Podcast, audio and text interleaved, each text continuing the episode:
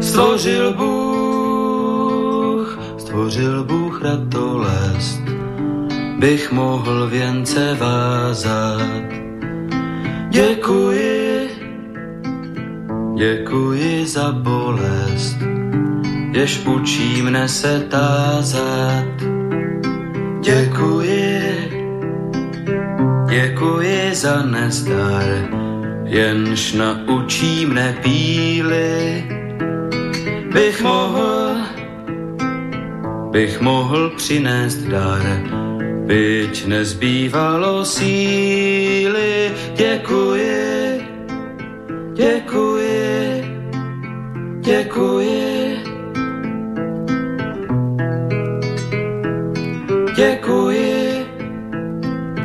děkuji za slabost, jež pokoře mne učí.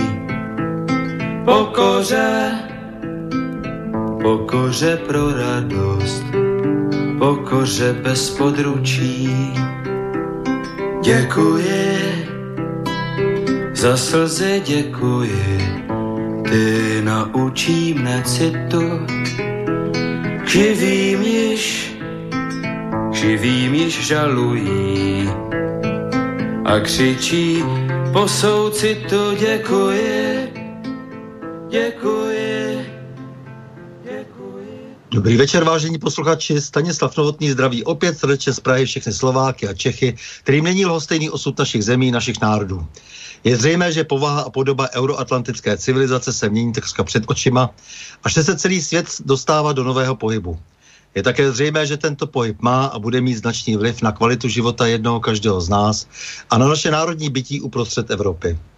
O projevech těchto změn, o jejich důsledcích, o jejich fatálnosti, či naopak o možných reakcích a řešeních, tedy o jejich plusech a mínusech, si povídáme v pořadu na Prahu změn.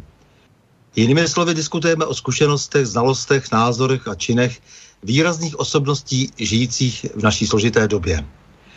A takovou osobností je i Jan Pokorný. Dnes si s ním budu povídat a vy se, milí posluchači, můžete zapojit do debaty také, pokud pošlete svůj dotaz na adresu studiozavináčslobodnývysílač.sk a nebo budete-li telefonovat na číslo 048 381 01 01. Jan Pokorný je biolog, přední český klimatolog a hydrolog. Dobrý večer, vážený pane Pokorný. Srdečně vás vítám na Slobodné vysílači a to hned pořadu na pravou změn. Dobrý večer přeji vám a všem, kdo poslouchají. Tak, se svými všemi tituly zníte docent, doktor přírodních věd, kandidát věd a narodil jste se po válce v Jindřichově Hradci, celý život jste mu zůstal věrný a ta nádherná krajina, e, spousta vody, lesy, rybníky tam jsou, jako by přeznamenala vaše další povolání. Dá se říci i poslání, protože já kudy chodím, eh, tudy u vašich kolegů a nejenom u vašich kolegů, ale úplně namátkou eh, s, u lidí, kteří mají blízko přírodovědské fakultě, tak o vás mluví s obrovským respektem. Tak, co vy s tím? no, děkuju. A na druhou stranu jsou lidi, kteří říkají, že jsem mimo, protože zdůrazňuji, že vlastně zemědělec a lesník utvářejí klima a rozhodují o tom, kolik poteče vody a jaké kvality bude. A to je asi ta základní debata, o, o které to dneska bude ten večer, že jo? No jasně, ale já bych začal přece jenom, jak jste se k tomu dostal. To znamená, jak jsem říkal, jste z té malebné krajiny, já Vysočinu dobře znám, takže Jindřich Horodicko také, takže jako se téměř nedivím, že když jste měl nějaké přírodovědské sklony, tak eh, že jste chtěl zůstat eh, právě u té přírody a, a že jste se vrhl vlastně na eh, studium na katedře fyziologie rostlin na Přírodovědské fakultě Univerzity Karlovy. Já jsem asi patřil k těm lidem, kteří věděli, co nebudou dělat a pak, a věděl jsem, že to bude něco kolem při středoškolských studiích, něco k medicíně, anebo ještě raději k té biologii. Já jsem tenkrát jezdil hodně na vodě, dokonce jsem byl eh, v kraji na kajaku a nej, nejlepší a dokonce jsem potom jezdil i na regaty a na vojně jsem byl taky u vodáků, takže s tou vodou jsem byl velmi blízko a když bych řekl, co mě motivovalo eh, na střední škole eh, tomu, abych šel na biologii, tak vlastně poznání těla, poznání toho, těch různých procesů, aby člověk věděl, jak žít a i, i pochopil ty, po, když to řeknu dneska, tenkrát jsem si to tak nedefinoval, pochopil, jak vlastně ten život funguje a to je fyziologie. Mm-hmm. A takže to vás, to vás motivovalo, vlastně pak jste si už, a když jste začal studovat, tak eh, pravděpodobně už jste nikdy ne, nezatoužil po jiném oboru a zůstal jste v oboru a, a bavilo vás to, nejenom bavilo, ale našel jste v tom určitě, jak jsem už říkal, poslání, protože vy děláte tolik věcí, které se dělají nad rámec profese. Takhle, my, já jsem studoval v 60. letech a na škole jsem byl ve druhé půl, na vysoké škole ve druhé půlce 60. let a já myslím, že každý, kdo něco tak to, to zažil a je z té mé generace, tak všichni se shodujeme na tom, ale i jinde ve světě, že ta 60. léta byla asi ta nejlepší, jaká byla ve 20. století.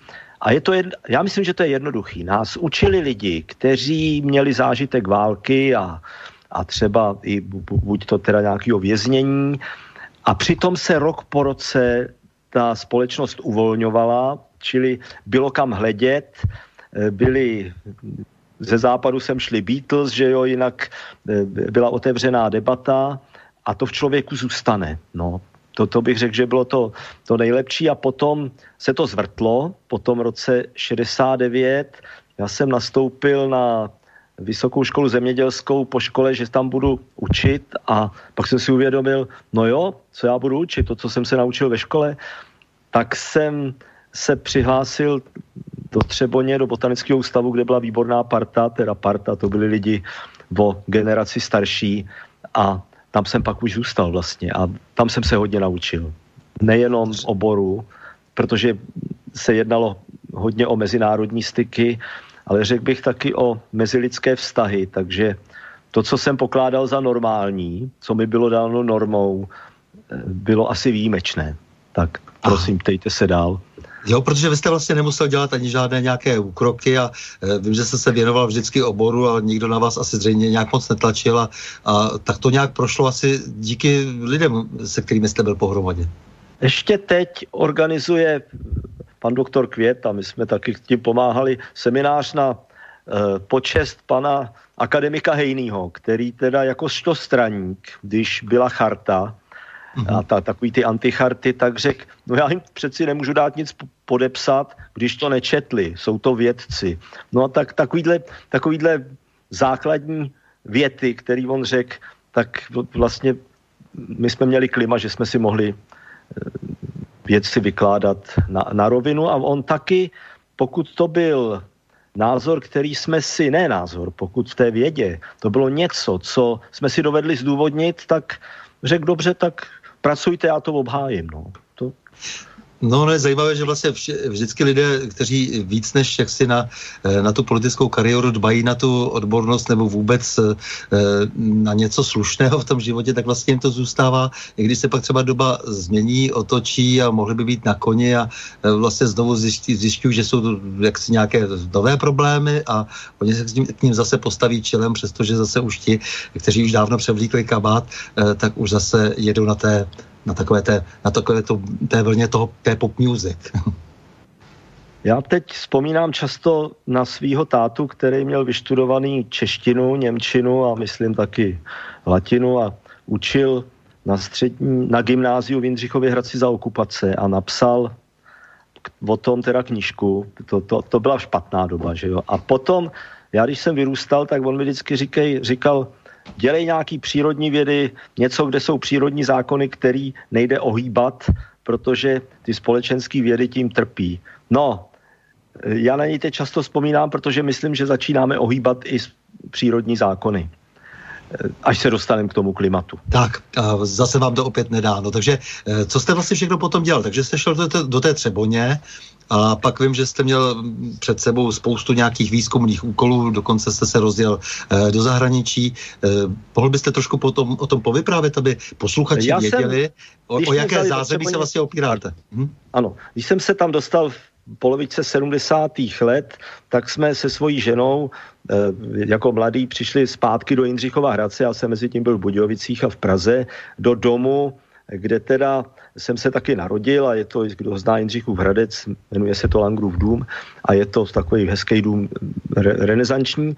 A e, já jsem dostal za úkol v tom botanickém ústavu měřit fotosyntézu vodních rostlin a teď vymyslet nějakou aparaturu, no a to, to asi doufám bude mojí vlastností, že se vždycky kouknu okolo, jestli někdo něco neumí dobře a líp než já, tak jsem se spojil s Hejrovského ústavem a tam byl pan inženýr Šerák a potom ještě s dneska žijícím inženýrem Jardou Čápem v chemoprojektu Satalice a e, já nemůžu říct, udělali jsme. Oni udělali přístroj, který měřil e, tenkrát tou klárkovou kyslíkovou elektrodou a ještě i zesnulý pan Kňourek. Prostě udělali přístroj, který měřil pH, kyslík výborným způsobem tak, že vlastně takovej skoro nebyl na trhu a přijeli, přeci jen do té akademie tenkrát jezdili různí lidé, přijel chlapík, David Mitchell z Austrálie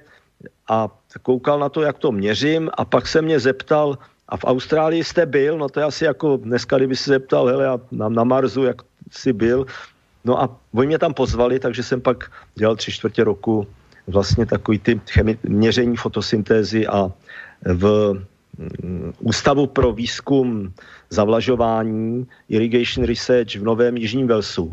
A to byl ústav, který měl třeba ohromný lizimetry, to jsou takové velké váhy, na kterých je kus pole nebo rostliny, tak tam jsem se vlastně setkal s tím, jak se bojuje s vysycháním, to jsme v půlce 80. let, a jak eh, toho málo víme o tom, jak vůbec tu krajinu dělat. A tam jsem se setkal s tím, že jsme debatovali o tom, jak ty různé civilizace vyschly. A co bude Austrálie dělat s tím Murray Darling River, dneska, nedávno jsme viděli ty požáry tam, až to bude vysychat ještě víc. A to mi leží na srdci, no, protože Mezopotámie vyschla, je to vše, všudy 5-6 tisíc let zpátky, celá severní Afrika, Izrael se snaží zpátky vracet vegetaci a vodu a my zatím teda děláme, co můžeme, abychom následovali ty civilizace, které vyschly. Že středoamerické civilizace taky vyschly a tak dále. Je to tak. No, takže, takže vy jste e, vlastně už pochytil něco, co se, o čem se tady začalo opatrně, možná, já nevím, tuším, že mluvit v polovině 80. let, ale e, jinak se spíš meliorovalo a pořád se spíš vysoušelo tehdy. Ano, a tenkrát jsme tady o klimatu moc nemluvili, když jsem se vrátil, ale mluvili jsme o tom, co je aktuální pořád a to je to, čemu se odborně říká eutrofizace vod a česky a slovensky se tomu říká, že vody kvetou, jsou tam synice. No, budete nám to muset překládat právě, aby, aby jsme no tak, všichni, dobře. tak chceme se koupat, jdeme k nějakému rybníku nebo přehradě, slnečný jezera tamhle na Slovensku, u nás vlastně dneska jakýkoliv jakýkoliv rybník nebo přehrada a je to zelené, že jo. A moc se nám do toho nechce. A to zelený, by to, někdy se tomu říká hrachová polívka, to jsou drobné řasy, které jsou tam proto, jednak, že je hodně živin, ty živiny přicházejí z polí, potom jsme udělali, odkanalizovali obce, občas dáme na pole nějaký hnojiva, ale jenom to, že to pole je odvodněné, tak se rozkládají organické látky a vlastně ty hmm. živiny jdou do, do těch povrchových vod a je jich pětkrát tolik třeba, než tomu bylo v 50. 60. letech. My říkáme, že přirozená produkce ryb stoupla třeba pětkrát, šestkrát a musíme velice opatrně tam hospodařit s rybama. Když tam dáme moc kaprů, tak zase ty kapři sežerou ty vodní vši a vodní vši potom nežerou řasy a kapr má paradoxně hlad. Takže tenkrát se řešili kvalit, tenkrát, když řeknu tenkrát, tak tím myslím 80. roky, se hlavně řešila kvalita vody v severských jezerech, v Německu, ve Švédsku, a my jsme měli začínali mít podobné problémy s rybníky a uvědomili jsme si, že vlastně musíme ty vody řešit společně s povodím. To znamená, a uvědomili jsme se, jak se postupně ta krajina měnila, jaký člověk takzvaně kolonizuje, protože člověk přišel do mokřadů, do bažin a do lesů. Jenže ty nás neuživějí, tak jak populace roste, tak postupně odlesňuje, odvodňuje a voda utíká rychle z krajiny a odnáší sebou živiny. A to klima k tomu přišlo až později, až někdy v 90. letech. Začali jsme to, s, a tenkrát jsme se poznali s výbornou skupinou z Lundu, pan profesor Bjerg stále žije, je mu přes 90, jeho student profesor Willy Ripple, který teď někam chudák zmizel nemocný, velice chyt, chytrý chlapík, který právě razili ten takzvaný holistický pohled. My se musíme podívat na tu krajinu jako celek a vnímat ji tak, jako vnímá dobrý lékař celé tělo. Mm-hmm. Takže my jsme vlastně o to právě jako tady vytvářeli postupně step a samozřejmě ty, ty velké důsledky ty cítíme až e, v současnosti. Ano, my jsme, tu ta kolonizace, která proběhla, jestli to takhle můžu říct, v Africe od 50. let 20. století, tak u nás vlastně probíhala někdy od 13. 14. století, postupní odlesňování, potom ale hodně lidí bylo na venkově, že jo, ještě v 19. století tam žilo 80-90% lidí a všechno se recyklovalo. Že jo, všechno se odvejvalo přes hnojiště a později přes suchý záchod a vyváželo se, byly malý pole, těm se nevrátíme. A dneska máme vlastně v zemědělství 2% lidí. A vš- jinak to žije ve městech a nebo na vsích, ale městským způsobem. Takže jsme vlastně ty toky látek v té krajině hodně změnili pro to naše pohodlí. A z, vlastně tu, ta, z té krajiny se postupně stává step, step proto, že ty rostliny, které používáme jako plodiny, ať už je to ječmen, pšenice, kukuřice, tak jsou stepními rostlinami původně. Ona nesnese zatopení vodou kořené. Tak, takže ji musíme upravit, zlepšit tu půdu pro ní, proto se tomu říkalo meliorace, zlepšení půdy, ale zlepšení pro tu stepní rostlinu. Takže postupně vytváříme step. Mm-hmm. No tak pojďme dál. Takže, takže vy jste potom, dobře, tak to byla ta Austrálie a pak teda přišel taky ten přelom. Jak se vám podařilo překledout to období od roku 89 eh, do, dejme tomu, poloviny 90. let a dále? Ta Akademie věd je, eh, to byla Československá akademie, botanický ústav, je velice konzervativní institucí. My, když to řeknu, po těch, my jsme takovou nadsázkou říkali, že časovým okamžitkem je tam pět let. No, ta Akademie věd se postupně, a to trvá do dneška, převzala přehnaně tu soutěž o to, kdo co napíše v lepším časopise, takže úspěšnost vědců a jejich kariéra se pořád ještě hodně měří podle toho, co na, jaký článek dá do zahraničního časopisu a ty zahraniční vědecké časopisy mají takzvaný impact faktor, čili dopady a to se měří zase podle toho, kolik lidí to čte, vědců a kolikrát se to cituje. A to vede pak k tomu, že se třeba i méně spolupracovalo a čím méně autorů, tím líp. A nám to, mně to připadalo prostě divný, protože mně připadá úplně absurdní, aby vědci soutěžili mezi sebou v přírodních vědách, kdo je větší vědec, protože když se postavíte proti lesu nebo tak, tak tak nevíte nic. Teprv, a soutěžit potom, co vím o životě, to je, to je prostě směšný. Tak jsme udělali postupně takovou společnost, kterou jsme nazvali Enky, eh, právě po bohu eh, rozumu a vody z Mezopotámie. A ta společnost se v první řadě zabývala tím obnovou vodních nádrží. Právě se jsme vyvíjeli sací bagr s, eh, se Švédama, a taky jsme se zabývali hlavně distribucí slunečního záření v přírodě, což je, k tomu se dostaneme, a i využitím různých technologií slunečního záření. Mm-hmm. Takže už tehdy jste na začátku 90. let eh, založil tu silnou společnost Enky, kterou vedete do dneška, nebo v kterém to bylo roce asi? No, my jsme ji zakládali, my jsme nejdřív založili Envy, což bylo SRO, dejme tomu v půlce 90. let, právě pro výrobu sacího bagru a měli jsme tam takovou jednotku těch výzkumníků a brzy jsme si uvědomili, že ten výzkum, který neprodává, že nemůže být společně s těmi, kdo vyrobí bagr, zadluží se a pak se musí zase eh, zakázkama třeba u OKD, to byla úžasná věc, kdy těžili ty uhelný kaly, že se musí živit, tak jsme v roce 97 a od roku 98 to platí, oddělili eh, neziskovou organizaci Enky od toho SROčka. Takže nám to trvalo přeci jenom 8 let, než jsme se zorientovali a dneska už to běží 22 let. No.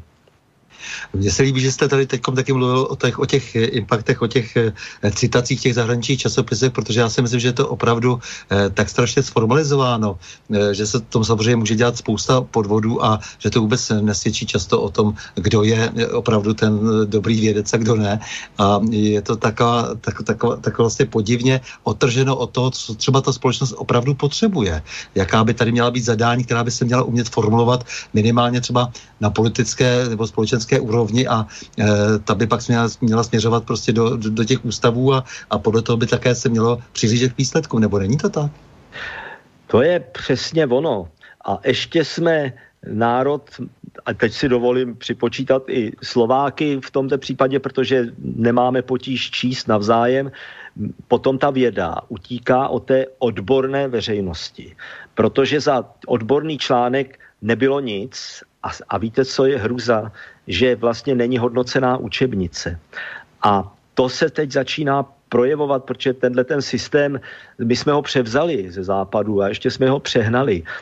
Když byly různé univerzity dřív, tak člověk z určitého oboru měl na poličce několik učebnic, což většinou v té, zejména v té středoevropské kultuře znamenalo, že byl nějaký profesor a on napsal knihu a ta kniha vlastně soustředovala ty znalosti, které by vyšly z jedné hlavy a byly tudíž, met, jestli to můžu takhle říct, metabolovány tou jednou hlavou a vyloženy s obrázkama, s jednoduchým textem. A teď to máte na té poličce a sahnete si a, ať už jsou to fyzikální chemie, že jo, nebo, nebo organické chemie, vyndáte si a, a víte, že se o tu knihu můžete opřít. A je tam výklad. A téhle znalosti se říká strukturovaná znalost. Zatímco dneska jsou dva důvody, že ty učebnice takhle výkladové přestávají být. V první řadě ten kariérní postup toho profesora na vysoké škole určitě, ne, určitě mu nepomůže napsat knihu protože on za to nemá ty body. A za druhý, jak se letí pořád po těch, prostě slyšíme termín jdem do Google a teď tam něco najdeme a i když je to dobře vyloženo, tak je to bez souvislosti. Takže dneska narážíte na to, že si vždycky někdo něco takzvaně vygooglí a teď pokud jde na vás, asi tím nejvíc trpí doktoři, že jo? Když na ně někdo přijde a řekne, já jsem si tohle našel, mám tohle a potřebuju tenhle prášek, tak ten lékař chudák, aby se z toho zbláznil.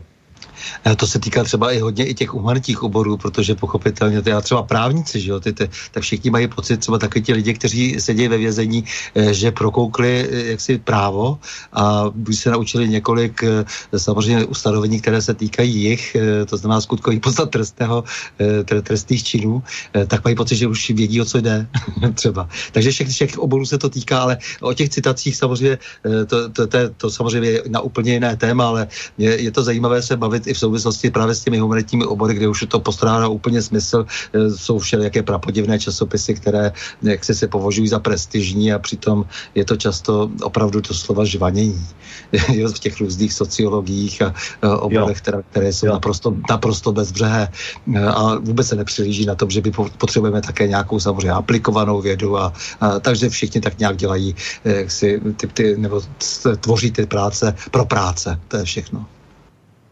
Ano, nečte se, píše se. No, no, no, no, no. Takže, ale já vím, že vy jste právě úplně eh, někdo jiný, takže proto mě to zajímá, protože vám jde pořád o tu, o tu věc a eh, ať se děje cokoliv, tak za ní jdete. Takže vy jste byl někde v té Austrálii tehdy, pak jste se ještě podíval do světa, protože teď jste už začal, už jste nakousl to eh, téma té obecně prospěšné společnosti Enki, e, která samozřejmě se vztahuje k tomu starému sumerskému božstvu, k tomu Enkimu, který jemuž tečou tedy z těch ramen, ty, ty, ten Eufrata, Tigris a vlastně je symbolem eh, toho základního materiálního zdroje té eh, sumerské civilizace. Takže byl jste potom třeba v Iráku a eh, studoval jste trošku tu Mezopotámii zvlášť? Já to začnu z druhé strany. My jsme se dostali od, takhle, ještě za, od roku 80 jsem působil jako lektor na mezinárodních kurzech o aplikované limnologii, což je věda o mělkých vodách, je to v podstatě to, o čem tady mluvíme. A ještě polovině 80. let, od poloviny 80. let nám posílali do botanického ústavu vždycky 12 lidí z rozvojových zemí. Měli jsme je tam 14 dní, 3 neděle a to byly lidi z Afriky, z Ázie. Občas tam byl, to, dneska by, by to bylo hloupý, aby to znělo jako rozvojová země, občas tam byl někdo i z Číny, z Indie. A takže jsem se dostal do styku s, s hodně lidmi z různých končin světa tím, že jsme jim vlastně ukazovali, jak u nás fungují rybníky a dělali jsme a to je důležitý, co teď řeknu. My jsme s nima dělali takový jednoduchý cvičení, dvou až třídení, že měřili množství sluneční energie, která přichází, která se odrazí a potom jsme počítali z teplot a vlhkostí vzduchu, kolik vody se vypařuje, kolik vody se vypařuje třeba z trávy, potom jsme měli, nebo z trávníku, potom jsme měli dokonce, a dneska jsou to běžná zařízení, když nejsou levná, Eh, zařízení na to, že měříte fotosyntézu listu, to znamená, kolik ten list přijímá oxidu uhličitého, kolik vydává kyslíku a na každou molekulu kyslíku on vlastně vypaří nějakých 100 molekul vody.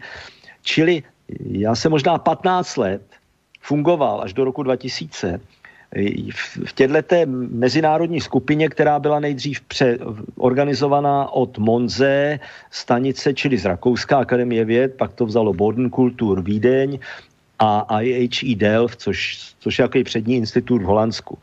No a potom nás vyzvali lidi zase právě s tou IHE Delft, jestli bychom šli do nějakých mezinárodních projektů do východní Afriky, kde jsme měli za úkol nejdřív dělat malý rybníčky, byl to projekt tzv. Finger Ponds, malý rybníčky v záplavových územích Keni, eh, Tanzánie a Ugandy a ten smysl byl v tom, aby lidi neodvodnili úplně celou tu krajinu, ale aby si tam nechali nějakou vodu, protože nám to zemědělství nám tu krajinu úplně odvodňuje.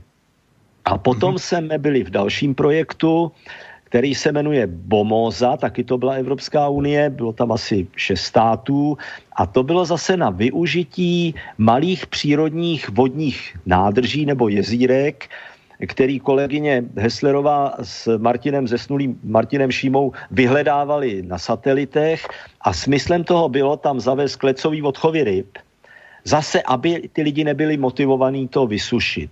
Takže já jsem se s tím vysoušením seznámil hlavně ve východní Africe, a teď odpovím na vaši otázku. A do té centrální Asie jsem se pak dostal až eh, na, na pozvání s kolegou Vláďou Jirkou, který tam kdysi dělal dokonce za starého režimu, byl Ašchabad, čili Turkmenistán, hmm. vlastně centrem solárního výzkumu celého východního bloku. A eh, Láďa teda tam měl pořád ještě známí, kteří jsou ještě dneska starší než já, prostě oni pořádají občas nějaký konference a setkání a my jsme se tam dostali v, právě, jsme byli pozvaní, když byla, a teď je to důležitý, když byla mezinárodní konference těch států centrální Asie, to jsou všechny ty možný stany, že jo?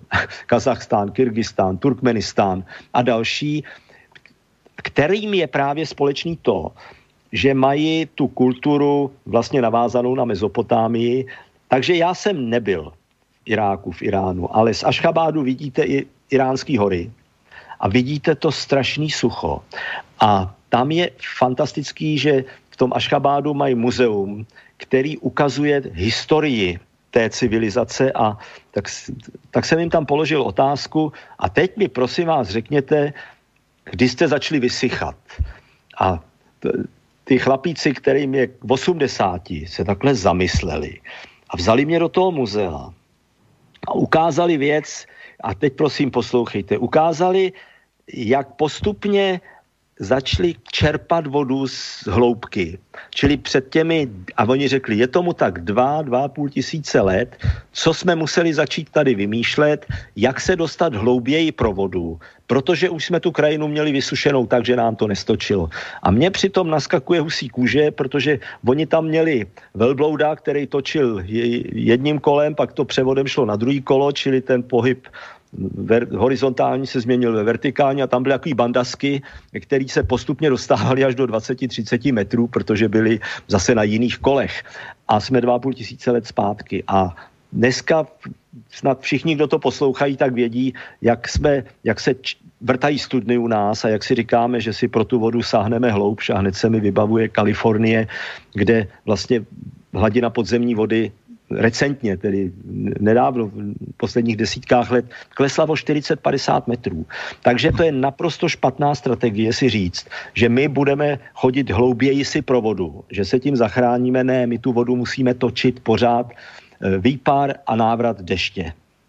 Eh, já jsem právě směřoval k tomu, že jsem, se, se, jsem si i říkal, že jste možná eh, trošku se zamyslel i nad historií, protože dnes je velmi populární vlastně studovat ty vysychající civilizace minulosti a ono je to velmi dobré, protože je to velmi ilustrativní pro posluchače, čtenáře, diváky a že je dobře, že se takové výzkumy dělají, eh, protože si ty lidi daleko více mohou uvědomit, jak, jak, si, jak, jak si tu pomíjivost toho času a jak je důležité se v tom svém čase správném dobře zachovat. Takže ty Sahar saharské civilizace, střed, středoamerické, mezopotámské nebo středoazijské, o kterých mluvíte, eh, nám dnes poskytují obrovské množství materiálu, které když je teď, tady člověk eh, otevřený, tak, tak vnímá, eh, co jsme s tou krajinou provedli. My, co s ní samozřejmě naprosto logicky provádí, provádí objektivně sama země a jak si, proč se v těch periodách, jak si chová, tak jak se chová, že jo? to je určitě pro klimatologii to podstatné, ale nicméně je dobré pochopit to, co všechno spackal člověk.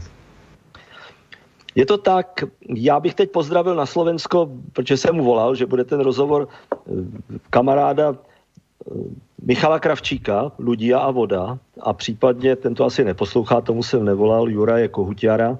My jsme napsali knížku ve slovenštině, děkuji, že mě pozvali k tomu, ta knížka vysla na Slovensku a jsou tam hlavně slovenští autoři, která se jmenuje Voda pre ozdravění klímy, už pak se to vydalo anglicky jako nová vodní paradigma, New Water Paradigm a právě já myslím, že se povedlo tam dát tyhle věci dohromady, včetně té historie. Mm-hmm. V Čechách je výborný člověk, egyptolog, znalec, pan profesor Barta, že jo, Miroslav Aha. Barta, který naprosto konvenuje s tímhle, tak my jsme měli i nějaký besedy společný a je knižka Cliff, Clive Ponting, což je teda, já myslím, že to člověk ještě žije, je to, je to archeolog, který dělal také v Africe a pak mu došlo, jestli takhle to můžu říct, že vlastně ty civilizace se rozpadaly na to, že zapomněli na zemědělství a že zatížili zemědělství daněma tak a že si nevšimli, když to zkracuju, jak se půda zasoluje a jak postupně ztrácí úrodnost. Ta knižka nebyla přeložená do češtiny, jmenuje se Green History of the World a on vlastně soustředil z tohohle pohledu historii Indu a, a kusu. Je zajímavý Čína a Korea. Tuhle starost nemá, protože byli od začátku založený na rýži, myslím tím východní Čínu a Jižní Koreu. My v Koreji taky pracujeme s člověkem, který ho to pan Mujong Han a ten tu knížku taky přeložil do korejštiny a prostě jsou lidi, kteří to mají na srdci a je to potřeba dostat do osnov, protože se na to zapomíná, měla by to být součást dělání. Nejenom jakou měli keramiku, ale hlavně co jsme skazili, jako lidi, myslím takhle člověk s hlavou třeba jako mám já, tak tady běhá úplně určitě půl milionu let, možná díl. Ale civilizace jsou tady chviličku, že jo, ta nejstarší 6-7 tisíc let zpátky a po tisíci let to většinou vyschlo. Shh. Takže aby jsme se dostali k tomu, že vy jste si vzali ten název toho boha moudrosti, který vlastně ještě navíc jako ovládal to posvát, to vlastně to mé nějaké v tom, v tom sumeru. Takže, takže eh, člověk, který tak stál, eh, nebo ten bůh, který vlastně stál nad těmi ostatními bohy a ještě vnímal něco navíc, tak jak to, tak jak to měli sobě tedy ta, ti staří sumeřené a ti akadaně od nich potom převzali, tak mě prostě zajímá, jako jestli, jestli také vy tak, tímto způsobem uvažujete, že přece jenom jako jsme často pišní a e, že potřebujeme se prostě trošku, trošku pokorně sklonit e, před některými procesy. Jsme moc pišní, určitě, hmm. určitě. E, teď si vemte homo sapiens, tak člověk moudrý, že jo, což by se někdo sám, jsme se tak nazvali a věříme tomu. A to, to není dobře. Mhm. No takže vy jste se podíval do světa, celou řadu experimentů jste, jak si, jak si měl za sebou a pak jste se vrátil zase zpátky, tady máte tu společnost. Pracujete ještě pořád na nějakých velkých mezinárodních projektech nebo se soustředíte víceméně už na naše problémy? My takhle, ještě před několika lety, třeba třemi, čtyřmi, jsme docela intenzivně dělali na jezeru Najvaša, jezdili tam potom hoši o generaci mladší. To je jezero v Keni, v tom mm. Great Rift Valley, čili to je ta velká případu, pří, příkopová propadlina. A je to jezero, které dostává vodu z pohoří, který mu říkají Mau Forest. A tam jsme dělali před těmi deseti lety asi, začali, mě to strašně zajímalo, abychom se tam dostali, protože v tom Mau Forest, eh, který má tak 2,5, 2800 metrů, a protože jsme v tropech, tak je to celý zalesněný, tak se tam odlesnilo na 2000 kilometrů čtverečních. Mm. A pozoruhodný je, že to odlesnění probíhalo od začátku 90. let a to už jsou k dispozici satelitní snímky, které nejdřív se platily a dneska jsou zadarmo. A je to ten satelitní snímek té řady Landsat. Ten Landsat snímá teploty, taky povrchový, je, lítá jednou za 16 dní na to samé místo, páskuje tu zem po polednících, dejme tomu takovým tím řídka, teda šířka páskuje nějakých 160 kilometrů. Čili vy se můžete dívat dozadu, jak ta krajina vypadala na konci 80. let a jak se měnila až do toho roku třeba 2010, jak my říkáme krajinným pokryvem, to znamená, co tam rostlo, ale hlavně teplotami, povrchovými teplotami. A tam je vidět, jak kde se odlesnilo, tak ty povrchové teploty stouply třeba o 15-20 stupňů a toto měříme dopoledne. A teď jsou tam neobyčejně e, instruktivní věci. Japonsko investovalo do přehrady na řece Sondu Miriu, která teda měla dělat e, elektriku, protože Afrika obecně má potíže s energií, protože nemá uhlí a naftu. Že jo?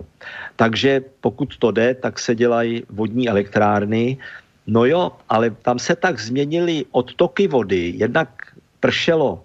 Ono sice zaprší, ale je to prudký dešť a pak je zase perioda sucha, teď se jim změnily vlastně monzuny, to znamená, že nepřicházely občas dešťový období, takže Japonci žalovali keňskou vládu, že jim dala špatný hydrologický data, a oni, že postavili přehradu, která nemůže fungovat, protože počítali s nějakými stabilními průtoky. Ken, Keniani jim dali dobrý data, jenomže data, který, hydrologická data, která se měřila předtím, než se odlesnilo. A potom, jak se odlesnilo, tak taky horký vzduch stoupá nahoru a začali tam, začalo tam být i sucho v některých oblastech. A pak zase přišla povodeň. A teď se vracím k tomu jezeru Najvaša. To jezero Najvaša má, tuším, nějakých 150 km čtverečních. Je, je okolo hodně vysoká hustota lidí, podobně jako okolo daleko většího jezera eh, Victoria.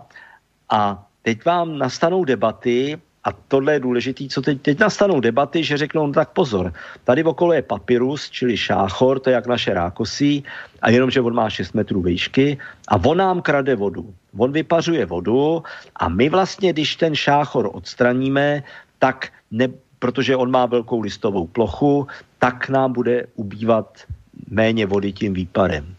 A každý, kdo je trošku blízko krajině, si řekne, no logicky to vypadá, ale tak to asi nebude, protože když někde odendám les nebo odstraním vysokou trávu, tak to neznamená, že, že mi tam bude víc pršet. A takže my jsme tam měli několik otázek, ale tahle ta byla ta, která se vlastně týkala toho, že jsme tam měli přijet a pokusit se vysvětlit, jak ten šáchor funguje. Že No a on vlastně tu krajinu ochladí a on zabrání tomu, že ten horký vzduch, který stoupá z těch vypasených luk, který tam, protože je tam hodně dobytka, tak ten horký vzduch vlastně nesaje potom tu, vo, tu vodní páru z toho velkého jezera, můžeme si to představit jako, že máme rybník a okolo rákosí a debatujeme o tom, že když odendáme rákosí, že snížíme výpar. Ne. My protože kolem toho rybníka jsou suchý pole, nebo je tam parkoviště, když to trošku přeženu, nebo tam narostlo město, tak vlastně na těch přehřátých plochách, který se nechladí výparem, tak na nich se ohřívá vzduch, stoupá vzhůru, kdo lítá to ví, říká se tomu termika, a ten vzduch vlastně vytahuje tu vlhkost z toho rybníka, v případě té Afriky by ji vytahoval ještě víc z, z toho jezera. Tak to byla jedna věc, kterou jsme dělali poslední dobou. A pak jste se ptal teda, jaký mezinárodní projekty. My jsme účastní teď společně právě s kolegy ze Slovenska, Ludia a Voda a z východních Němec, z vých, bývalého východního Německa, to má smysl, protože říkám z bývalého východního Německa, ve velkým projektu evropským, který právě se snaží poznat se, jak se trvale hospodařit v krajině, pokud je o vodu, energii, eh, potraviny.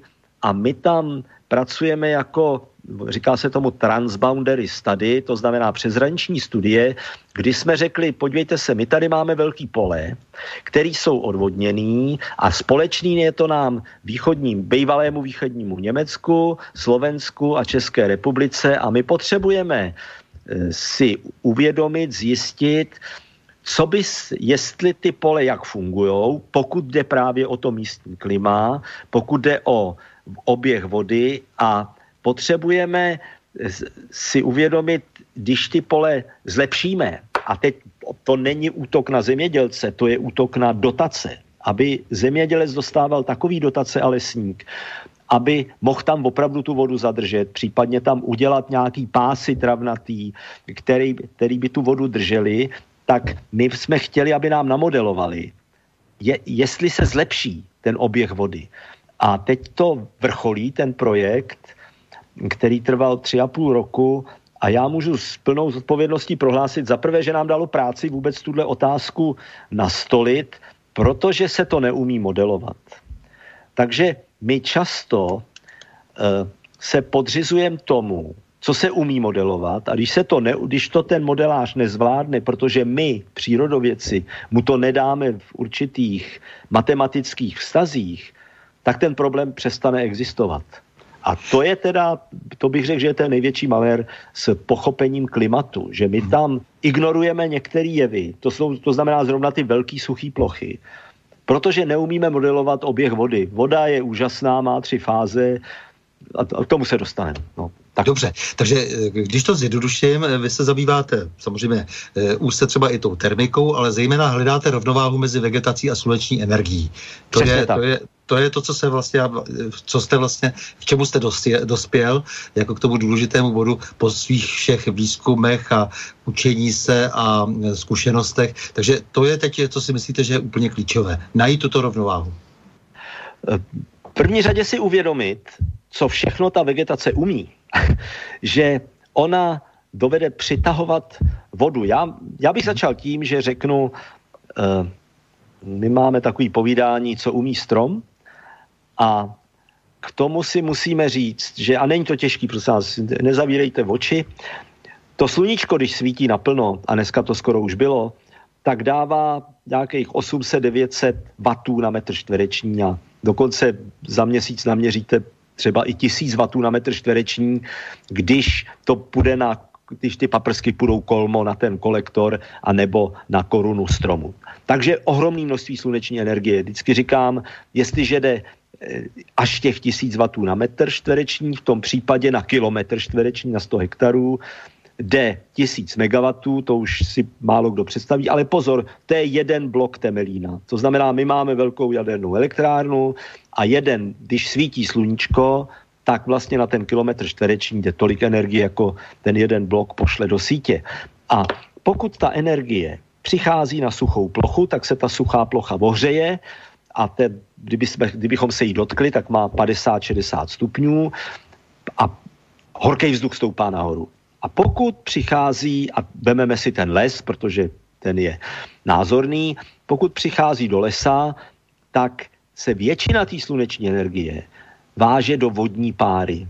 tak já bych si dovolil uvést pouhý dvě fyzikální jednotky. Za prvé, když svítí sluníčko, je to několik set vatů na metr čtvereční až tisíc a většina sluneční energie se váže na výpar vody do vodní páry. Jeden litr vody se odpaří, vznikne z něj přes tisíc litrů vodní páry a v ní, té vodní páře, je to schovaný teplo, kterému se říká skupenský teplo a je to 0,7 kWh na každý litr vody. A protože si 0,7 kWh špatně představíme, tak si představte, že abych odpařil jeden litr vody, tak na to potřebuju kapacitu jedné autobaterie. Teď se odvolávám, nechci se provinit proti genderům, ale hlavně na chlapy, takže mám 12V baterii a má 50 ampere hodin, 12 krát 50 je 600, 600 watt hodin mi ještě nestačí na to, abych vypařil litr vody. Takže vlastně ta sluneční energie se přes ty rostliny schovává do té vodní páry a ta vodní pára ji pak přenese někam, kde je chladno, tam se zase srazí ta pára a uvolní to teplo, no a nebo to vydrží do rána, ráno máme mlhu a vlastně ta sluneční energie se přenesla z toho dne ve formě vodní páry do té ranní mlhy proto ráno ta teplota tak moc neklesla. A proto na poušti je 40-50 stupňů nebo ve stepi během dne a ráno to jde skoro k mlze, protože se vlastně ta sluneční energie nepřenáší z, ze dne do noci a do rána. Tak to byla lekce číslo jedna. Mhm. Dobře, takže eh, teď se vrátíme zpátky třeba k naší krajině, protože ano. Se, vy se snažíte tady varovat a říkáte, že hrozí obrovská katastrofa, protože samozřejmě voda nebude. Do toho všeho se chováme velmi zůvěřile ke našim eh, lesům v současnosti totální kalamita e, kůrovcová. Eh, takže likvidujeme právě ty stromy, které vy říkáte, že potřebujeme právě proto, abychom, eh, aby oni sami zase zařídili to navracení vody eh, do krajiny, to znamená, aby teda ten strom zase zařídil ten výpad a někde v tom kilometru nahoře se to ochladilo, zase to spadlo dole, dolů, dolů někde blízko. Takže teď v této situaci, co si myslíte, že se dá dělat, nebo jak jste daleko se svými výzkumy, co jste zjistili nejprve, a potom samozřejmě se můžeme dostat i k tomu, co, co bychom měli dělat, co by měli dělat ti, kdo, kdo nesou nějakou odpovědnost, kdo mají nějaké prostředky a možnosti. Dobrý. My jsme si teď uvědomili, co umí ta voda a teď se podíváme na strom a pak na les. Jo? A teď si uh-huh. představte, že máte strom, který má třeba 3-4 metry poloměr, takže slušný strom. A on vypaří, a to, tohle si nezměříte, to se, to se měří trošku hůř, ale jde to změřit. Dejme tomu, že vypaří 20 litrů vody za hodinu.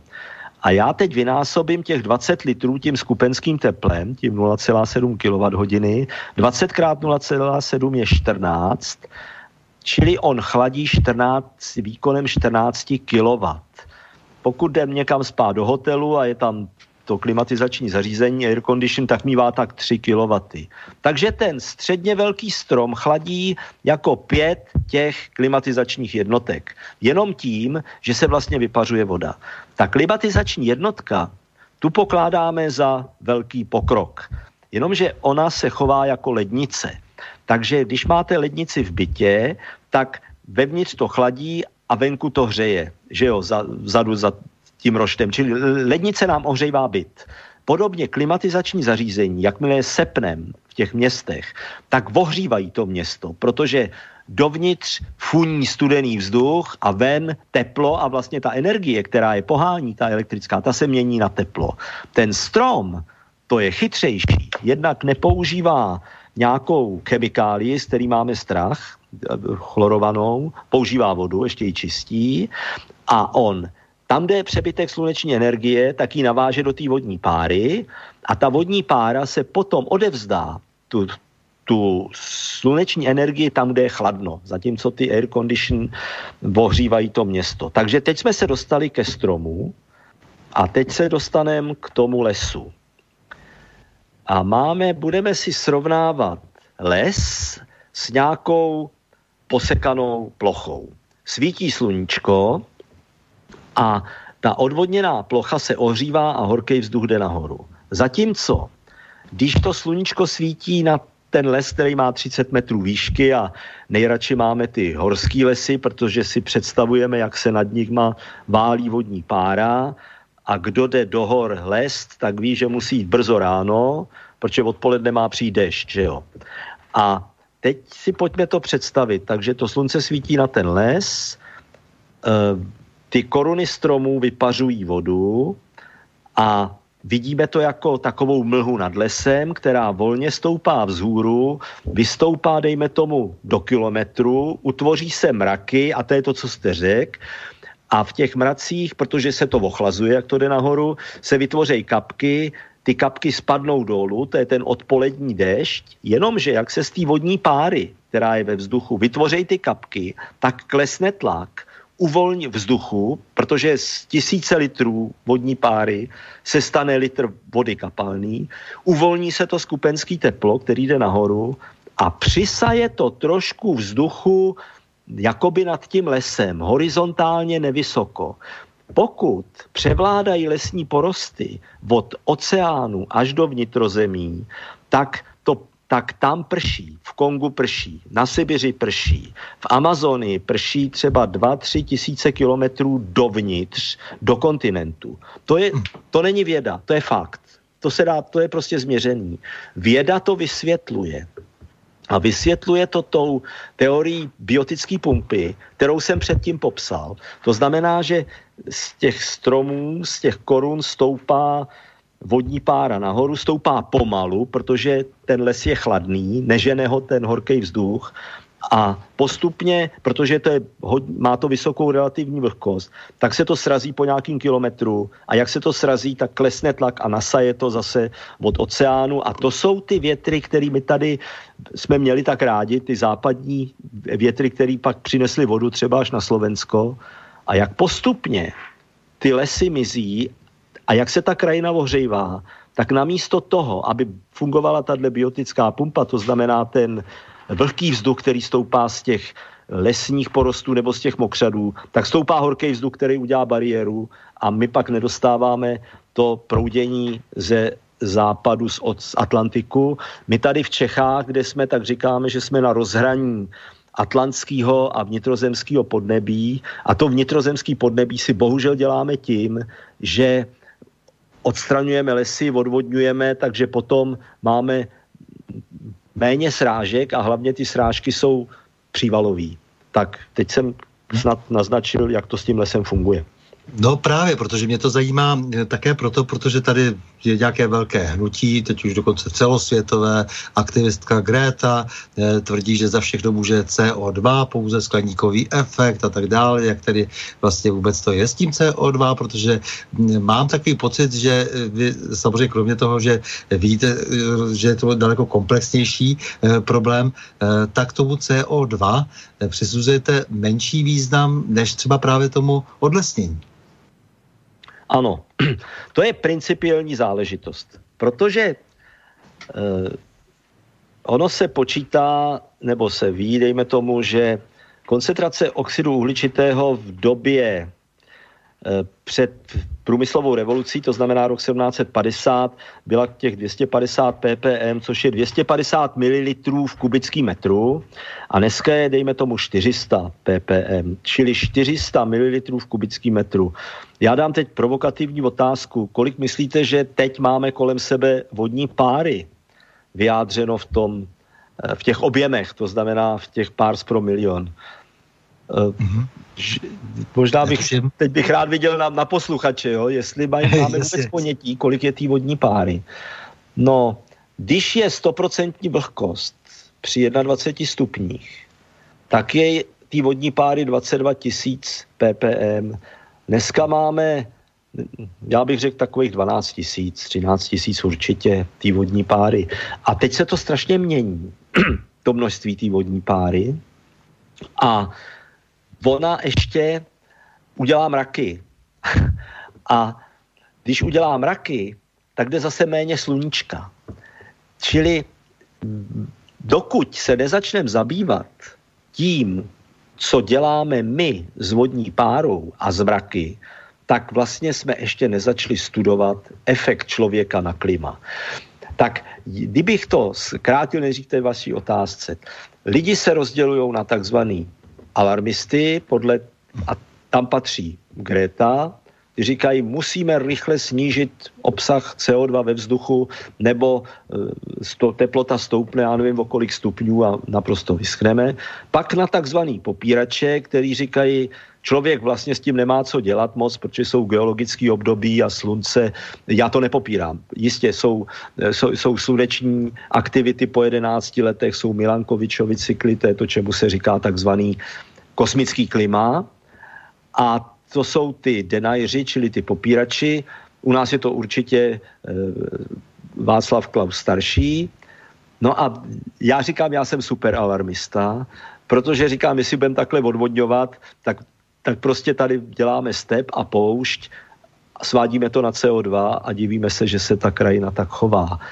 Tam jde totiž o to, že věda... Ale, ale vy jste v jiném ano, smyslu super alarmista, vy jste v úplně jiném smyslu, eh, protože vy víte, o čem mluvíte přesně, mluvíte jasně o jednom tématu a eh, nezapojujete se prostě do, do těch dnes velmi obtížně zjistitelných množství toho CO2, které má eh, na svědomí člověk.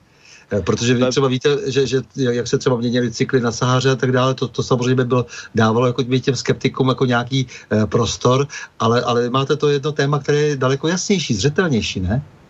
Vy se ptáte dobře, jo, protože ono totiž eh, ty průměrné teploty na světě změřit a vyhodnotit s přesností jednoho stupně vlastně nejde. Hmm. Já si vždycky vzpomenu na to, že jsou určitý pravidla pro stavby a smlouvy o, o stavění v zimě. Jestliže teplota na stavbě klesne, dejme tomu, dva nebo tři dny pod pět stupňů, tak e, neplatí termíny a ty dny se vyřazují, protože se nesmí e, betonovat nebo tak. Že jo, to je, to je ve smlouvách, když, když, jsou, když se staví přes zimu. A teď jde o to, kam dáte teploměr protože i na té stavbě nebo i v nějakém městě naměříte ty, ty rozdíly teplot velký podle toho, kde máte teploměr a teď si vente, jak rozmístíte teploměry po zemi, aby to reprezentovalo průměrnou teplotu. Takže kdo chce spochybnit průměrné teploty, tak je spochybní a má pravdu. A víme, že to byly ty velký skandály z East England University, kdy oni filtrovali data a tak dále.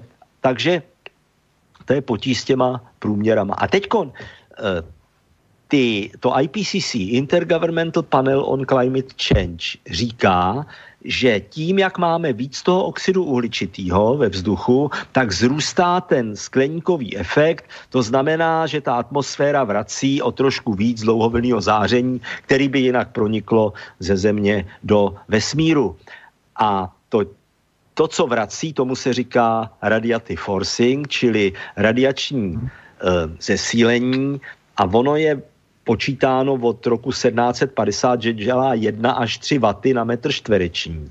Přičemž to, co dostáváme od sluníčka a to, co se měří na vnější hranici atmosféry, je nějakých 1400 až 1300 wattů na metr čtvereční, čili to, s čím počítáme, jako s tím radiačním zesílením způsobeným CO2 je promile. A já vám ručím za to, že nejde měřit to sluneční záření s přesností lepší než procento. Takže to není změřený. Ten efekt zvýšené koncentrace CO2 není změřen, ten je vypočten. Je vypočten z absorpčních křivek toho oxidu uhličitého a jak se vypořádalo ten mezivládní panel s tím, s tou vodou? Velice lehce, protože prohlásil, že člověk neovlivňuje množství vodní páry ve vzduchu vlastně, že to je až druhotný, že to ovlivňuje ta koncentrace CO2, protože pak je větší teplo a více vypařuje, ale že ta, to, co to řídí, že je koncentrace CO2 a nikoli ty změny krajinného pokryvu, který děláme. A představte si, že ta práce je to je Mihre 2013, že je na stránce 666. Já jsem opravdu, ne, ne, já se tím nechlubím prostě, ale rád bych znal Bibli lépe. A když to několik Jasně. lidí, kteří to znají, tak mi řekli, pozor, 666 je číslo ďáblovo. Takže na stránce 666 je ten nesmysl, jak se IPCC vyrovnalo s tím, že člověk neovlivňuje svou činností obsah vodní páry ve vzduchu, ale že to dělá CO2. To bych řekl, že je to kritická věc kolem klimatu. Bohužel si myslím, že tady v tom případě toho měření CO2 eh, hrajou, hrajou velkou roli cíle nečestné a že jsou čistě do určité míry ekonomicko-kořistnické, jestli se mnou tak trošku souhlasíte, protože samozřejmě i pro ty, i pro ty vědce se museli někde najít peníze, aby tvrdili něco, eh, co je potom možné ekonomicky využít. Ono totiž ty projekty dneska jsou vlastně ideologicky cílené. My řešíme projekt, jak jsem říkal, Evropské unie, který je zaměřen na hospo- setrvalé hospodaření v krajině, a pozor, tam je jedno základní heslo, low carbon society. S tím, hmm. že vytváříme tu společnost o nízké produkci oxidu uhličitého. No, čili vy vlastně máte zadání. A e, mně se opravdu, nebo nám se stalo, že... A to už je zadání ve skrze ideologické, bych řekl. To je ideologické je, zadání. A když je tak obtížně vlastně dokazatelné. Asi před třemi, nepak, to je tak dva měsíce, jsme odeslali tu výzkumnou zprávu, Michal se bude smát, jestli to poslouchá, a je prostě o generaci mladší kolegyně, tam napsala, co si myslí a já jsem si říkal, pošli to tam, uvidíme, co bude. A my jsme nejdřív napsali, že to CO2 je, jestli to můžu takhle říct, že to je nesmysl, že to přeci vědí a že nám jde o to, co uděláme s vodou a s krajinou dole, protože buď to jí máme 25 stupňů, anebo 40 a 50 stupňů. A za několik hodin nám přišla odpověď, že takhle to nesmíme psát. A kolega z Potsdam Institut für Klimaforschung, což je ta vůdčí klimatická instituce, napsal, jestli jsem si vědom toho, že když budu spochybňovat úlohu CO2, že nás vyškrtnou z těch institucí, které můžou žádat o eh, projekty na klima. Hotovo. A to je teď tak, čerstvá odpověď, ano? To je ně, několik týdnů. A tak my, my jsme, já jsem si řekl, no dobrý, tak v tom umíme chodit, že jo, tak napíšeme, že Eh, jo, to byla už odpověď na New Green Deal, to znamená, aha, aha. to je věc, která vyšla vlastně v lednu, že jo? A tam je jenom o CO2. No a tak já jsem tady vychodil všechny školy, že jo, tak když to zestručním, tak prostě když byl 20. sjezd komunistické strany Sovětského svazu, tak se řeklo, toto je a o to se všechno opřelo. A když se psali nějaký vědecké knihy, tak se nejdřív psalo jedna stránka o Lisenkovi a pak, pak napsali, co potřebovali, no tak já jsem si jenom říkal, tak to mám asi tu komedii zase zahrát, že napíšeme, že New Green Deal vyzdvihuje to CO2 a my to CO2 stáhneme tím, že dáme víc vegetace a přitom jen tak mimochodem ta vegetace bude chladit, a, ale je to ideologie. Je to ideologie a neměli bychom jí podlehnout, protože pak, pak jde o to, že co my potřebujeme? My potřebujeme mít vodu v té krajině. Teď v této situaci si uvědomujeme, že potřebujeme být soběstační v potravinách, soběstační v energii, mít dobrý zdravotnictví a bezpečnost. Že jo? To jsou ty to je to, co potřebujeme, abychom, abychom eh, žili a tomu podřídit školství, výzkum a tak dále.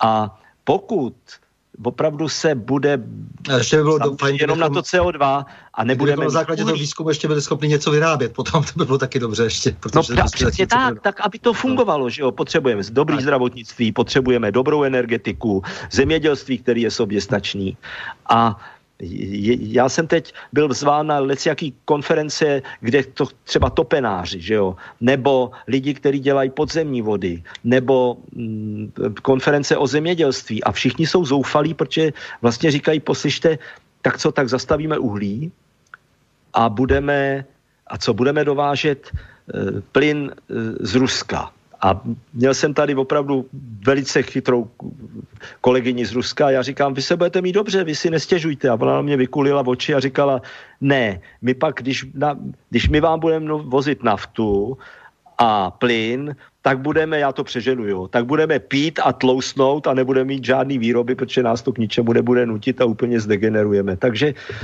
mm, vy jste to uvedl na začátku, je to přelomová doba, no. Tak eh, já se jako zeptám teda dobře, v jakém stavu je vlastně ta naše krajina? Ta česká krajina. Ano, každý den... Středoevropská, hovoříme eh, A já myslím, že to ze Slovenska. Mm-hmm. Ztrácíme my u nás v Čechách, ztrácíme každý den 10 hektarů zemědělské půdy na to, že se na ní, buď to, buď, že se na ní staví v podstatě, nebo dělají silnice. Každý den 10 hektarů.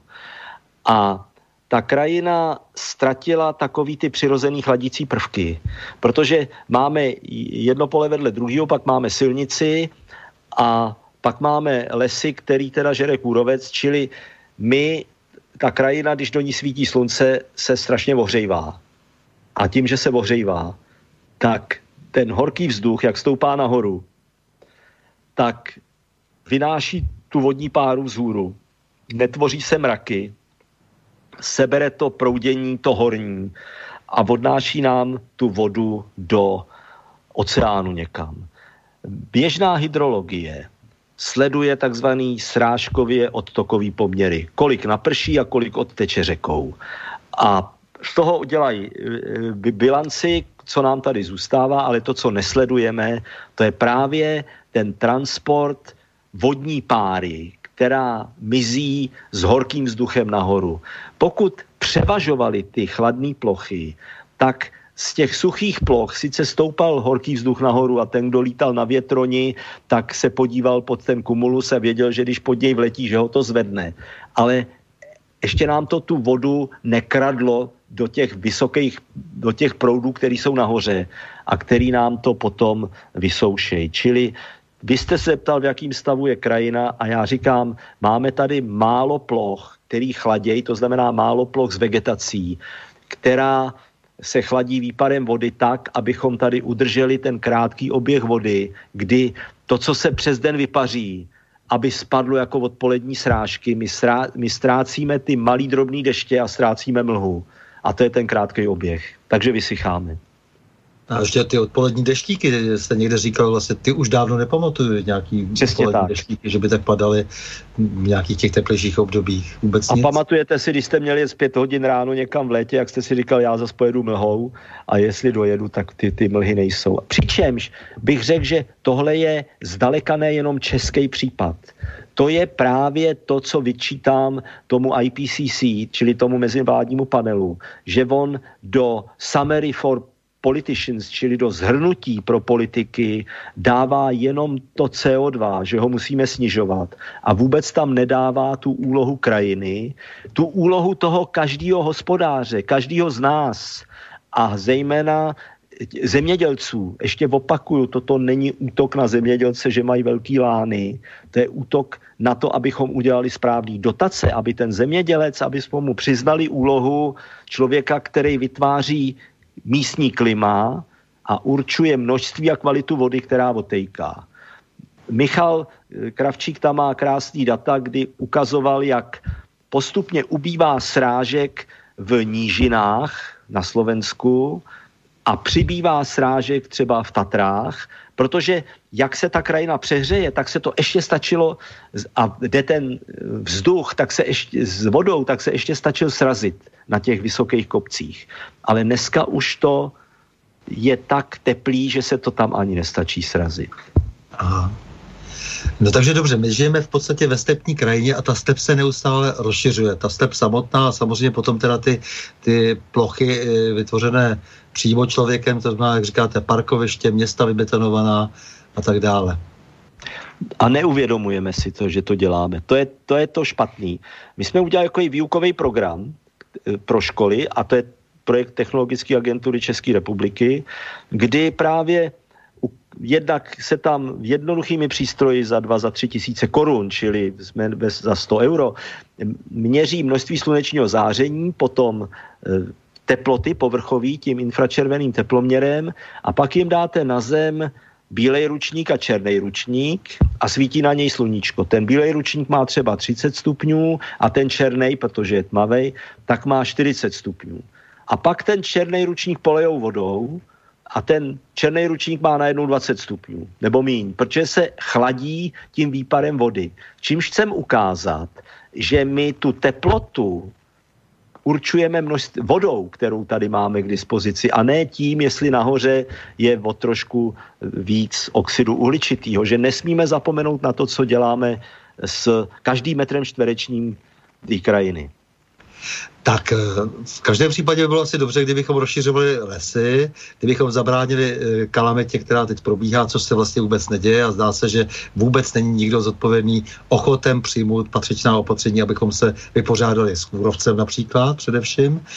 A e, teď tedy do toho, když budeme sázet ty lesy a kdyby, kdybychom náhodou byli úspěšní, jak teda všichni varují, že je to stále obtížnější, protože i na těch holinách se e, velmi obtížně e, ty, ty mladé rostlinky drží, tak co si myslíte, že by bylo takovými dobrými, nebo existují nějaká rychlá opatření, zakládat rybníky další a další, jsou na to nějaké projekty, jakž tak se tímto způsobem snad eh, snaží uvažovat i ministerstvo životního prostředí a zemědělství, eh, teda vytváření rybníků, udržovat jezera, eh, rozšiřovat já nevím, nějaké vodní plochy. Já mlčím, protože nevím, kudy do toho vít. A začneme pozitivními příklady.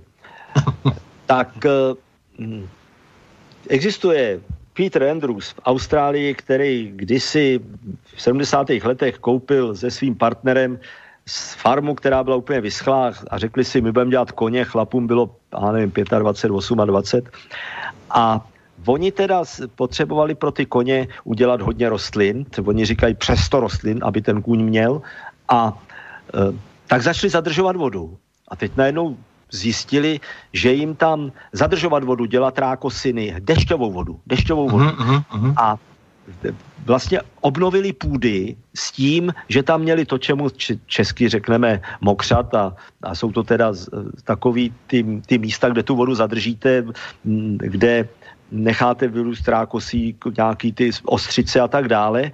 A oni jim tam přišla mlha pak. Já myslím, že to mělo tak tisíc hektarů, ta, ten Tavern Park.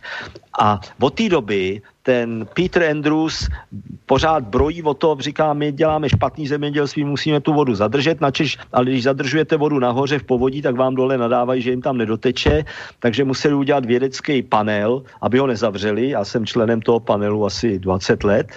A pak jsou třeba příklady, to zase kolegové byli ze Slovenska v Darevady v, v Indii, kde taky už to bylo málem na hladomor a nakonec se ty lidi tak vzepěli díky jednomu člověku z Německa, že dělali takový kaskády rybniční a dělali takový e, přehrádky na to hlavně zadržet tu dešťovou vodu a ta, aby přes vegetaci chladila, takže tam se mi jim to povedlo taky. Pak jsou nějaký příklady z, z tamhle, fantastický příklady jsou z Portugalska, tam, tam je taková v dobrém slova smyslu sekta, která taky si nějakých všeho všude 800 hektarů dala dohromady. Čili jsou pozitivní příklady hrozně málo, protože vlastně fungujeme v povodích, kde jsou, růz, kde jsou různí majitelé a strašně těžko se to prosazuje. A teď vám teda odpovím na ten princip. Ano, když prší, prostě my tu vodu bychom neměli pouštět ze začátku a pokusit se mít takovýto schéma, který jsme ukazovali už 30 let a já se ho naučil od toho Vilio Ripla, prostě nahoře má být les na těch kopcích, protože to je chladič. A dole zase má se ta řeka rozlejvat, protože z ní se má vypařovat ta voda, aby putovala dokola a když děláme pálenku nebo slivovici, tak musíme mít chladič, nebo nám to uteče, že jo. A tohle to se spochybňuje. Já nevím, jak se to stalo, že Teď, když to slyší ty mý oponenti, tak budou říkat, pokorný povídá pohádky o tom, ten les vůbec na horách nepotřebujeme.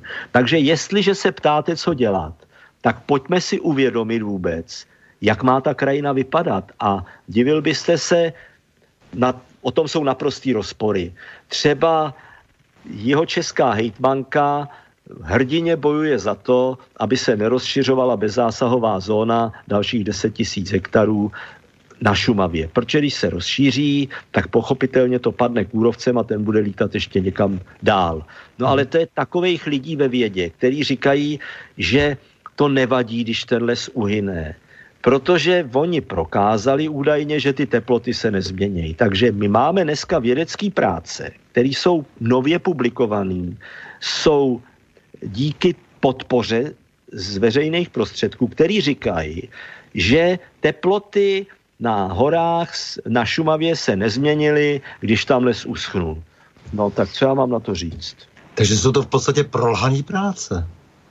No, já nevím, jak to, jak to nazvat, ale pozor, to oni nazývají mýtem. Tyhle lidi říkají, že jsou to mýty, co povídám o tom, že ten les nahoře chladí a že zadržuje vodu a že jde potom i více vody do podzemních vod, protože říkají, ne, ne, ne, ta voda vlastně jí víc steče a ty, ty stromy nebrání tomu, aby to protejkalo.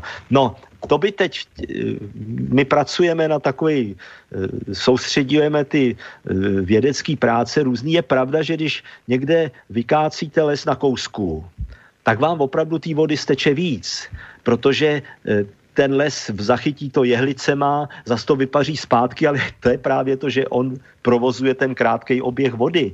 Kdežto my, když odlesníme velké části, velké plochy, tak dopadneme jak Austrálie, která odlesnila hodně ve 40. 50. letech, to východní ty Blue Mountains a od té doby vlastně má potíže s tím, že tam ty deště končí po několika stovkách kilometrů a my jsme tady odlesnili ty vrcholy Šumavy, my jsme je teda věnovali tomu, těm bezzásahovej e, doktríně a skončilo to kůrovcem. Ono to je dneska, pak musíte zase další lesy chránit, čili kácíte, aby ten kůrovec nešel dál, pak do toho vletí vítr, protože ty porosty jsou otevřený.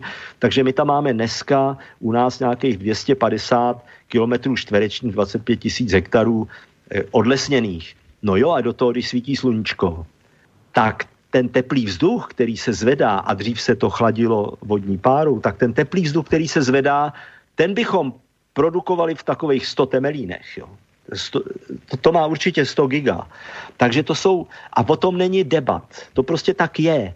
Ale ty lidi to popírají. Já jsem z toho nešťastný, protože podle toho se pak řídí i ta politika, že jo, protože že se řekne, no bože, tak uschne les, to se nic neděje, ne? Vědci ukázali, že to nevadí. Tak tam jsme. No, spousta lidí, lidí se zasměje, protože nakonec eh, z lesní půdy e, vyrobí stavební pozemky a budou tam další sklady a tak dále. Že? Takže zase si bude veselé, e, veselé hospodařit po svém a sobecky to je děs. Já jsem si vzpomněl, taky jsem dělal v Řecku, protože jsme tam měli pěstovat řasy na Peloponézu.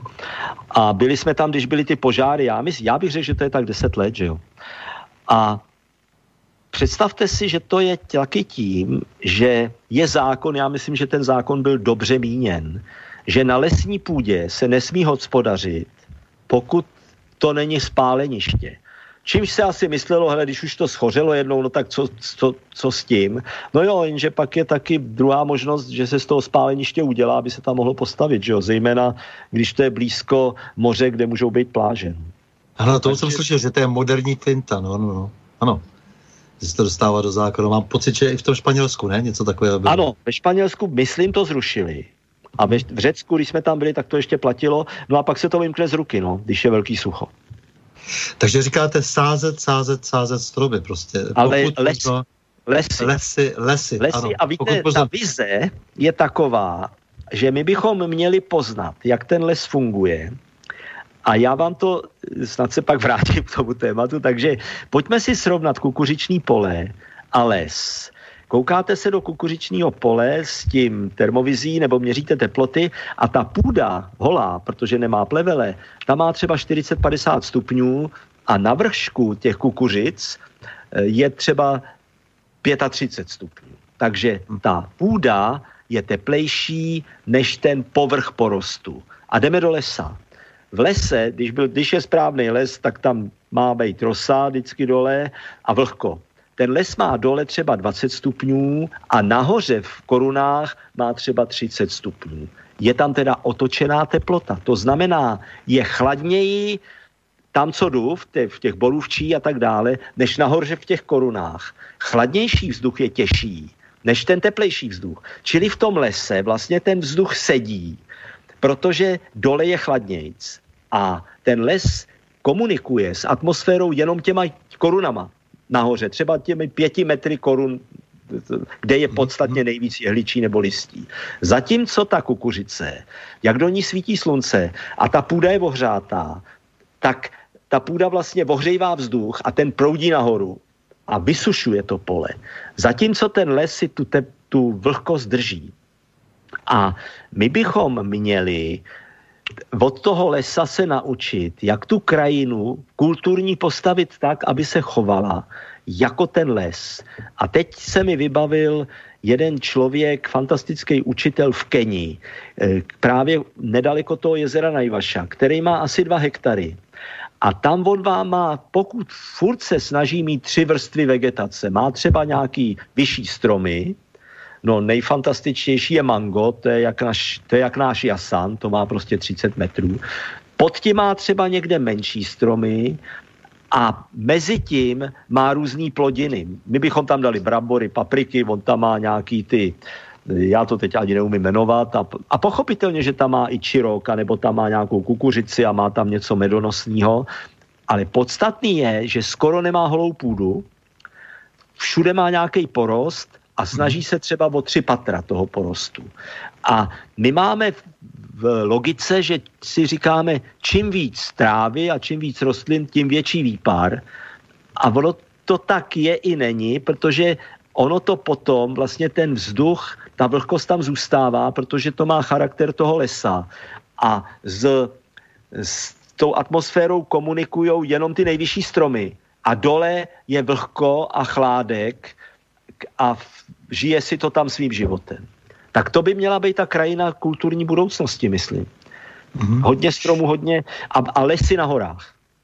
Tak já vás chvilku nechám vydechnout a já jsem si připravil písničku, našel jsem Staré Barsias a to proto, protože když se, se jmenujete Enky, tak jsem si říkal taky, že když tahle ta velmi povedená kapela 70. Eh, 80. let a ještě dodnes tedy snad jako hraje, ale jako nicméně eh, tehdy to bylo eh, velké zjevení, si dali ten název, ten si dali podle toho, že Barsias to byl takový satyr, který našel Aténinu flétnu pohozenou a spěchnul tak, že svou hudbou Hesou chtěl soutěžit s Apolónem, bohem, a dokonce se s ním dohodl, eh, že ten, kdo eh, vyhraje, tak může tomu druhému stáhnout kůži zaživa.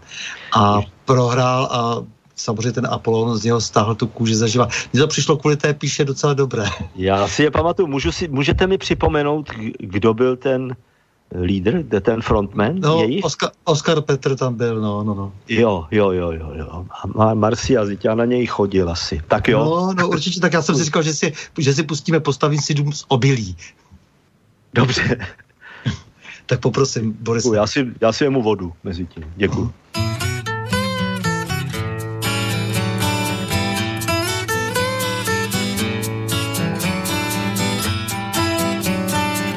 Postavím si dům z obilí, stěny budou ze zelený papriky, uvnitř stůl z tvrdýho papíru. Do oken světlo, jak záclony natáhnu, v krbu z hrušky pak sluncem zatopí. Za čas všechno zmizí,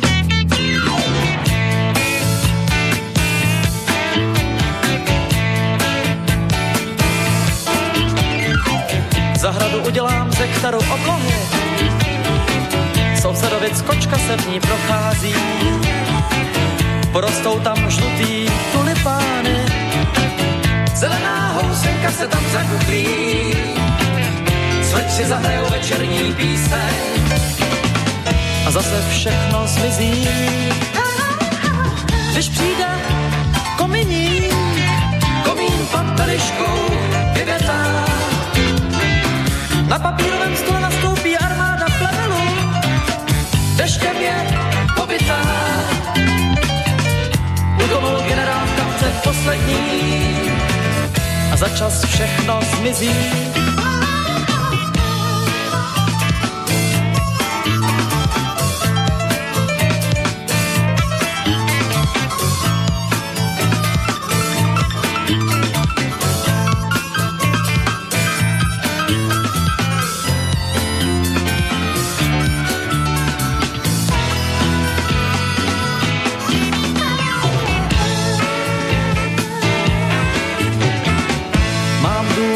Samého obilí.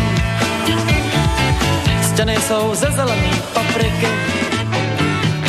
Sedím u stolu z tvrdýho papíru. Sluneční záclony na noc zatáhnu. Večer v krbu slunce uhasí. Teď už všechno zmizí. Teď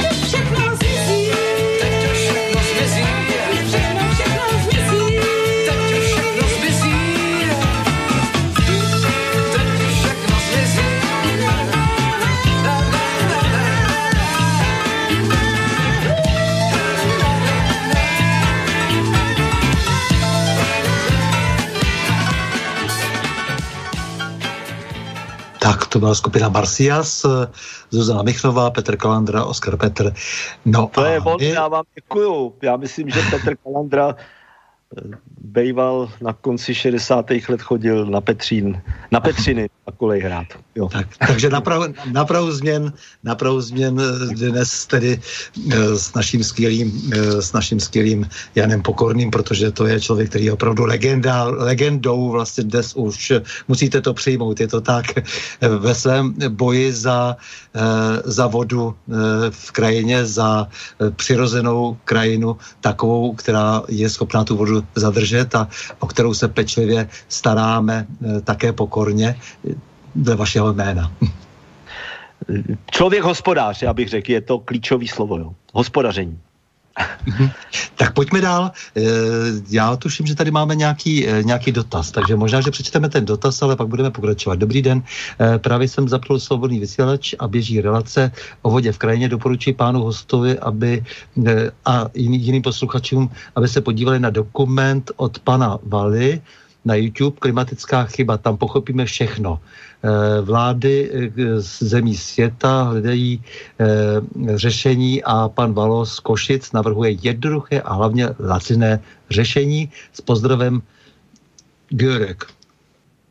Můžu? Mm-hmm. Ano, děkuju. Pan Valo je člověk, který dělal hodně, hodně, dělá hodně taky s Michalem Kravčíkem. Já jsem se s panem Valem setkal. Je to tak. On prostě dělá zadržování vody od zhora v malých potučkách. Dřív se tomu říkalo hrazení bystřin. Děkuji, je to tak. Ano, jsou takoví lidi, kteří to ukazují, bez, ale je třeba je propagovat. Tak já bych použil to, ano, propagujme ho. Tak a teď mi řekněte, co si myslíte o vlivu moderních technologií, zejména takových těch některých eh, alternativních eh, zdrojů elektrické energie, mám na mysli hlavně větrné elektrárny, protože se objevují informace, že te, ty lesy německých větrníků zcela změnily proudění vzduchu a tím i srážek od Atlantiku. Já jsem v tomhle rozpačitý, protože um, takhle, ne, necítím se jako expert, tyto otázky jsem do, dostával. Víme, že 60 mega, že jo, šed, kolik, ne, 60 giga, pardon, 60 gigawatt je instalováno celkem v Německu na moři a na pobřeží. A říká se, že, a já to já nevím, jo, je moje odpověď, ale jenom to, co víme. Je to 60 mega a že když to začne foukat, že to vlastně zvedne mraky a je to jakoby zábrana. Eh, já na to říkám, pojďme, určitě, ať to někdo zkoumá, ale pojďme si všimnout toho, že my, když u nás sklidíme jen tady v Čechách e, řepku a obilí, jak máme ty velký lány, tak e, to je na, 15, na 18 tisících kilometrech a my v tu chvíli změníme proudění vzduchu o te- teplotu, kterou bychom vyvíjeli asi tak 9 tisíci gigawaty. Já nemám větrník, nej, já je ani moc nepropaguju a jenom říkám, ano, říká se, že ty větrníky těma, když zapnou těch 60 giga, že to může trochu zvednout vzduch a nás to pak míjí, ale pojďme si všímat toho, co děláme s tím sluníčkem v krajině, protože jen tenhle náš malý stát vlastně desetitisíci gigawaty změní proudění vzduchu jenom u nás. A teď máme před, všimněte si, že máme předpovědi počasí, zejména v červenci, v srpnu. A má pršet po zejtří za tři dny a na, oni se ty srážky rozpadnou nad Německem nebo k nám nepřijdou. A to je tím, jak je ta krajina přehřátá. Já vím, že se vám neodpověděl, já jsem vám neodpověděl, protože uh, nemám ty data a ne, neskoumal jsem to. Ne, tak já jsem se ptal jenom proto, že to je taková provokativní otázka, hmm. kterou e, někteří hned zařadí mezi konspirační teorie a e, přitom si myslím, že docela se k tomu vyslovují občas i docela e, lidé odpovědní a seriózní e, vědci, takže je, myslím, že dneska ta otázka už má být na stole a proč ne? Tak pokud nám zkazí objektivní data, nevíme, tak, tak nevíme, no, zatím. Je to třeba zkoumat, tam obecně s těmi alternativními zdrojemi je to tak, že oni ne, nemáme pak ten základ, že my potřebujeme základ, oni dneska ty grafy jsou fantasticky dostupný, eh, kdy vidíme, že když máme základ v té atomové energie a v tom uhlí, tak pak si můžeme dovolit pracovat s tou s těmi obnovitelnými zdroji, který k nám jdou z Německa. My bychom spíš, já bych byl proto, abychom udělali přečerpávací elektrárny tam, kde se vytěžilo uhlí, my tam pracujeme jako Enky, od, od začátku ty mý kolegové říkali, nebojte se s hydroprojektem, nebojte se napustit ty velké jámy, teď vidím Medard a Chabařovice a ty dům československý, dům československý armády, nebojte se to napustit vodou, ono si to sedne takzvaně, dneska jsou tam vlastně zásoby pitné vody. Mm-hmm. A my bychom vlastně, když přes nás se žene to množství té levné sluneční energie nebo větrníkové energie, která má téměř zápornou cenu, tak kdyby tam byly přečerpávací elektrárny, tak ji pak dobře prodáme, že jo? A je to, ta přečerpávací elektrárna je nejlepší baterka, protože nemá litium a nemá žádný obaly a my, ne, já si to nevymýšlím, protože taky jsme byli pozvaní na ty energetické fóra do, do Ústí a ty lidi byli proto, ale najednou se vám objeví pár takových křiklounů, který řeknou, budou tady roury a my je tu nechcem. No dobře, tak ta krajina je vytěžená, dneska jsou tam jezera a ty roury by snad nikomu nevadily. A bylo by to jako fantastický, protože čím víc bude těch obnovitelných zdrojů, myslím tím fotovoltaiky a větru, tím ta síť bude rozkývanější. Mm-hmm. No právě protože já si vždycky říkám, jako tak pěstujeme naftu na polích, jako v podobě řepky, že ho z obilí pálíme biolích, místo abychom si jej vážili jako nějaké dosavadní základní složky lidské potravy. Jo, úrodnou půdu zase pokrýváme solárními panely, jo, čistou a efektivní energii z jádra jsme pomluvili a místo toho znečišťujeme Eh, to vzduší právě výrobu těch alternativních údajně ještě čistších zdrojů energie, ale ono se nakonec ukazuje, že, eh, že čistší právě není, protože se musí přece eh, nějak vyrobit a zdá se, že to, co vypouští pak ty fabriky, když vyrábí komponenty k těm větrníkům, takže daleko více znečišťují ovzduší. Mně to přijde tak šílené, že vlastně neza, nezaujatý náštěvník by si mohl myslet, že se ocitl v obrovském blázinci. No, přitom já se budu držet těch rostlin, protože jsem to celou, celý život měřil a snad o tom něco víme. Takže kolik my vlastně dostaneme z rostlinné biomasy?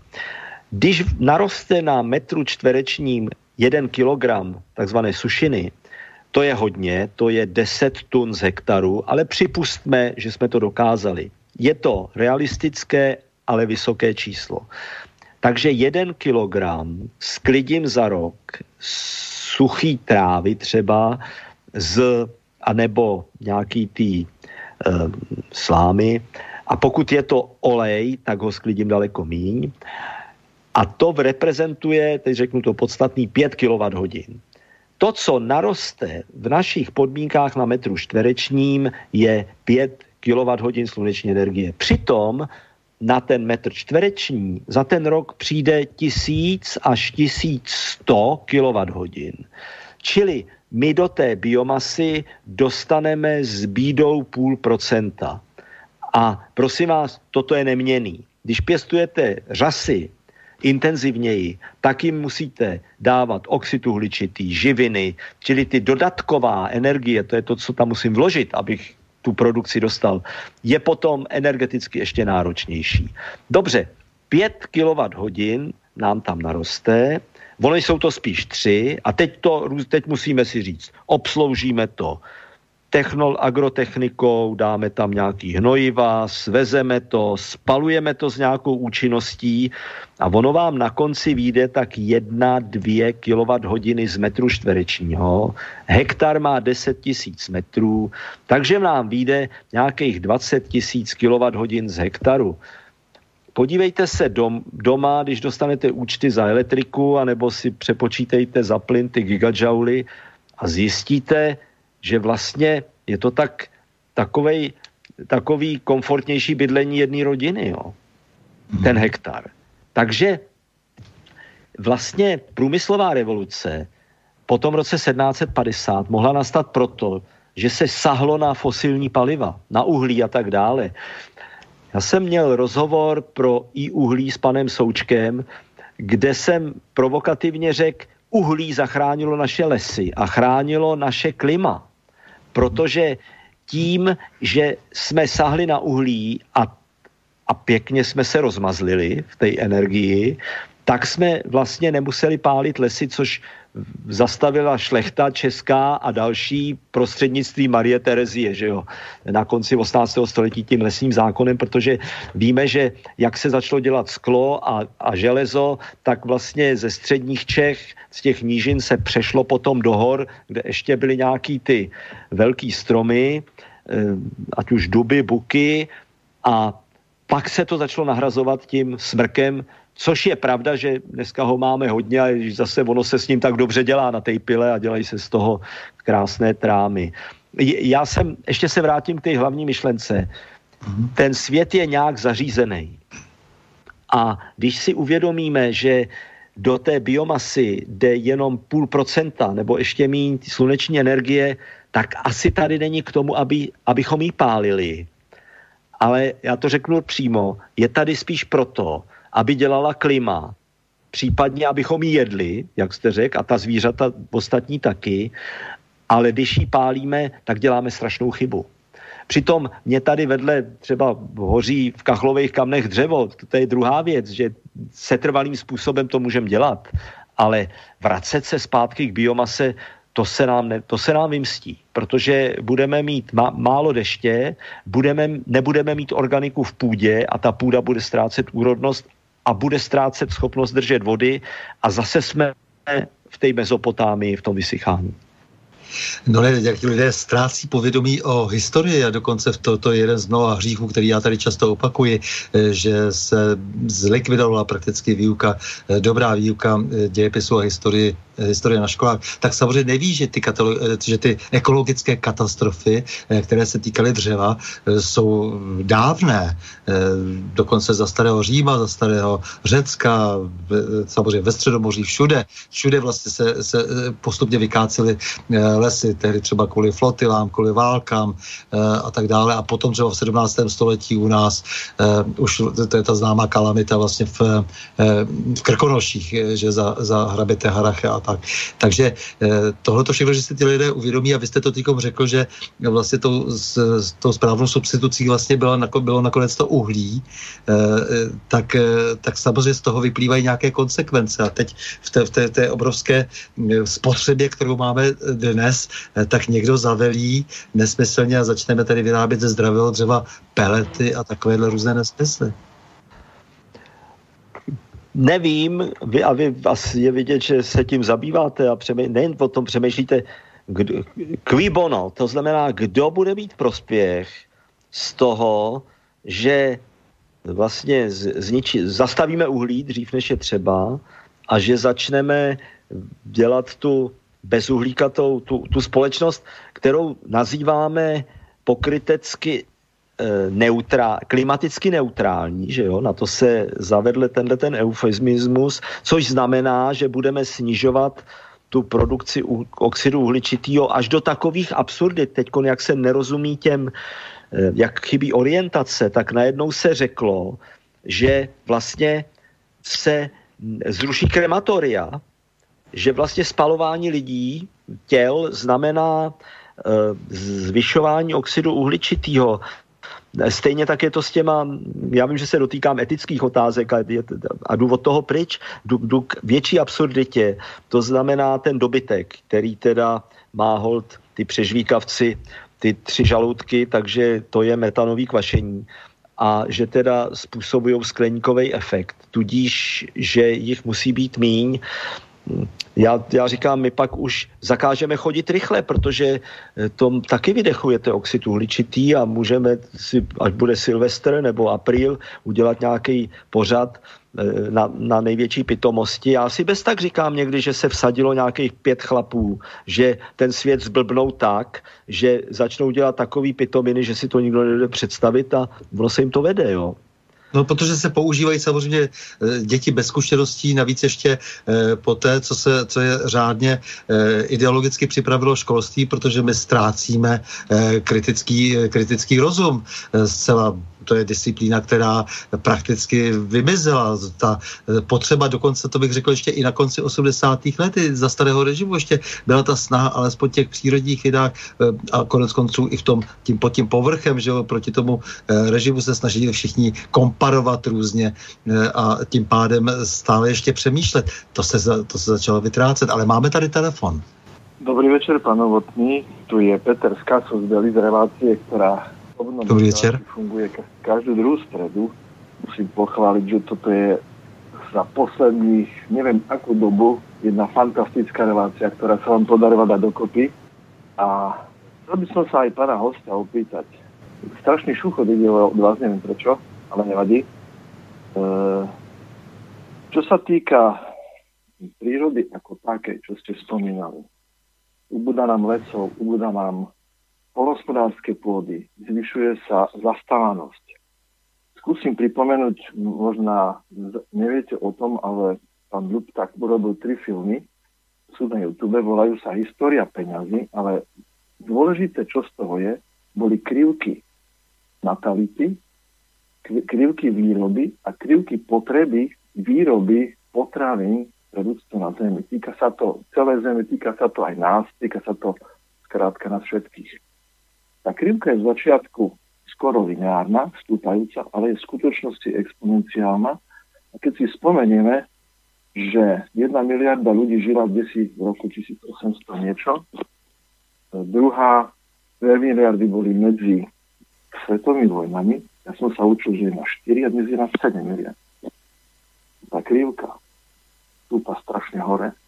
Je potrebné o to viacej polnospodárskej výroby, efektívnej, chemizovanej, viac treba lesy a tak ďalej.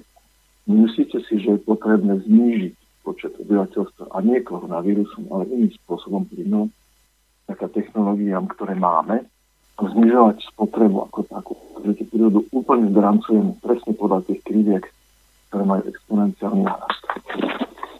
Tak e, děkujeme za chválu relace i za otázku, takže prosím, pane docente.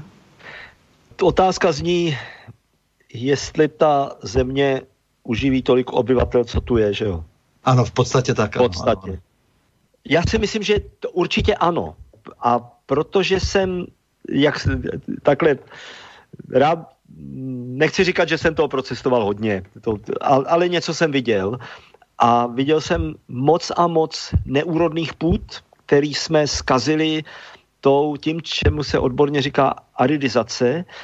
FAO, což je Food Agriculture Organization, čili organizace při OSN pro zemědělství a výživu, a tou výživou se míní zásobování potravinami, tak dávalo statistiky o spouštnění, čili té aridizaci, ale já myslím, že už je deset let nedává a ty poslední čísla byly strašný.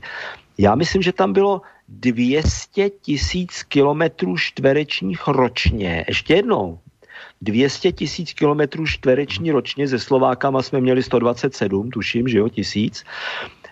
že díky suchu přestává se na těch 200 tisících ročně vyplácet zemědělství a jde se od toho.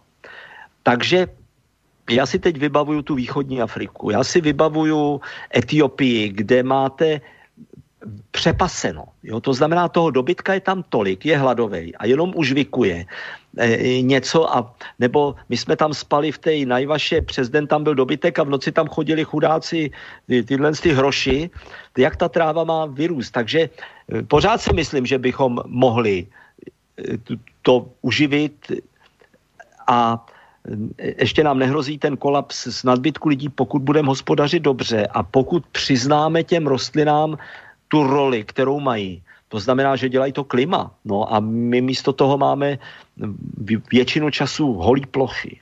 Ještě děkuju za dotaz. Děkuju za pozbuzení. Tak tady máme další pochvalu. Srdečně zdraví pana doktora Pokorného a děkuji za výborné informace. Je šance, že vědecké kapacity budou ochotny o tomto aspoň přemýšlet? Děkuji. Eh, jméno Tomáš. Já vám nevím. Takhle oni to neposlouchají. Víte co, já, já odpovím naprosto upřímně. Ta změna, respektive to, abychom ty věci, abychom nespouštněli, abychom tu krajinu dál nevysušovali, to musí jít od běžných lidí.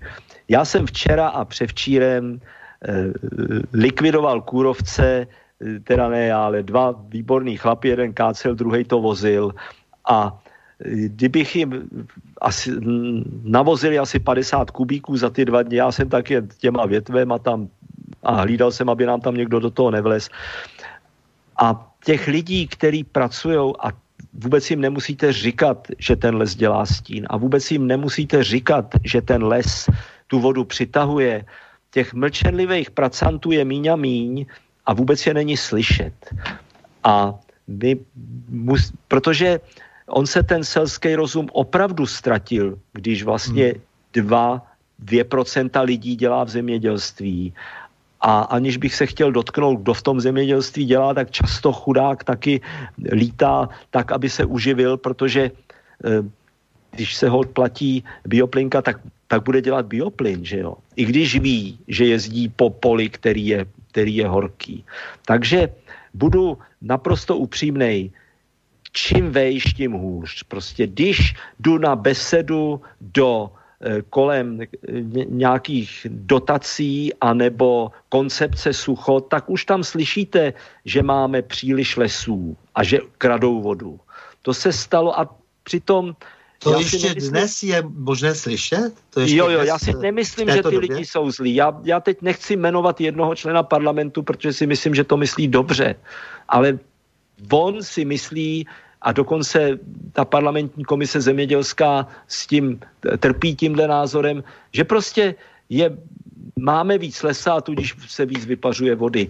Někde se tady stala strašná chyba a rychlej příklad.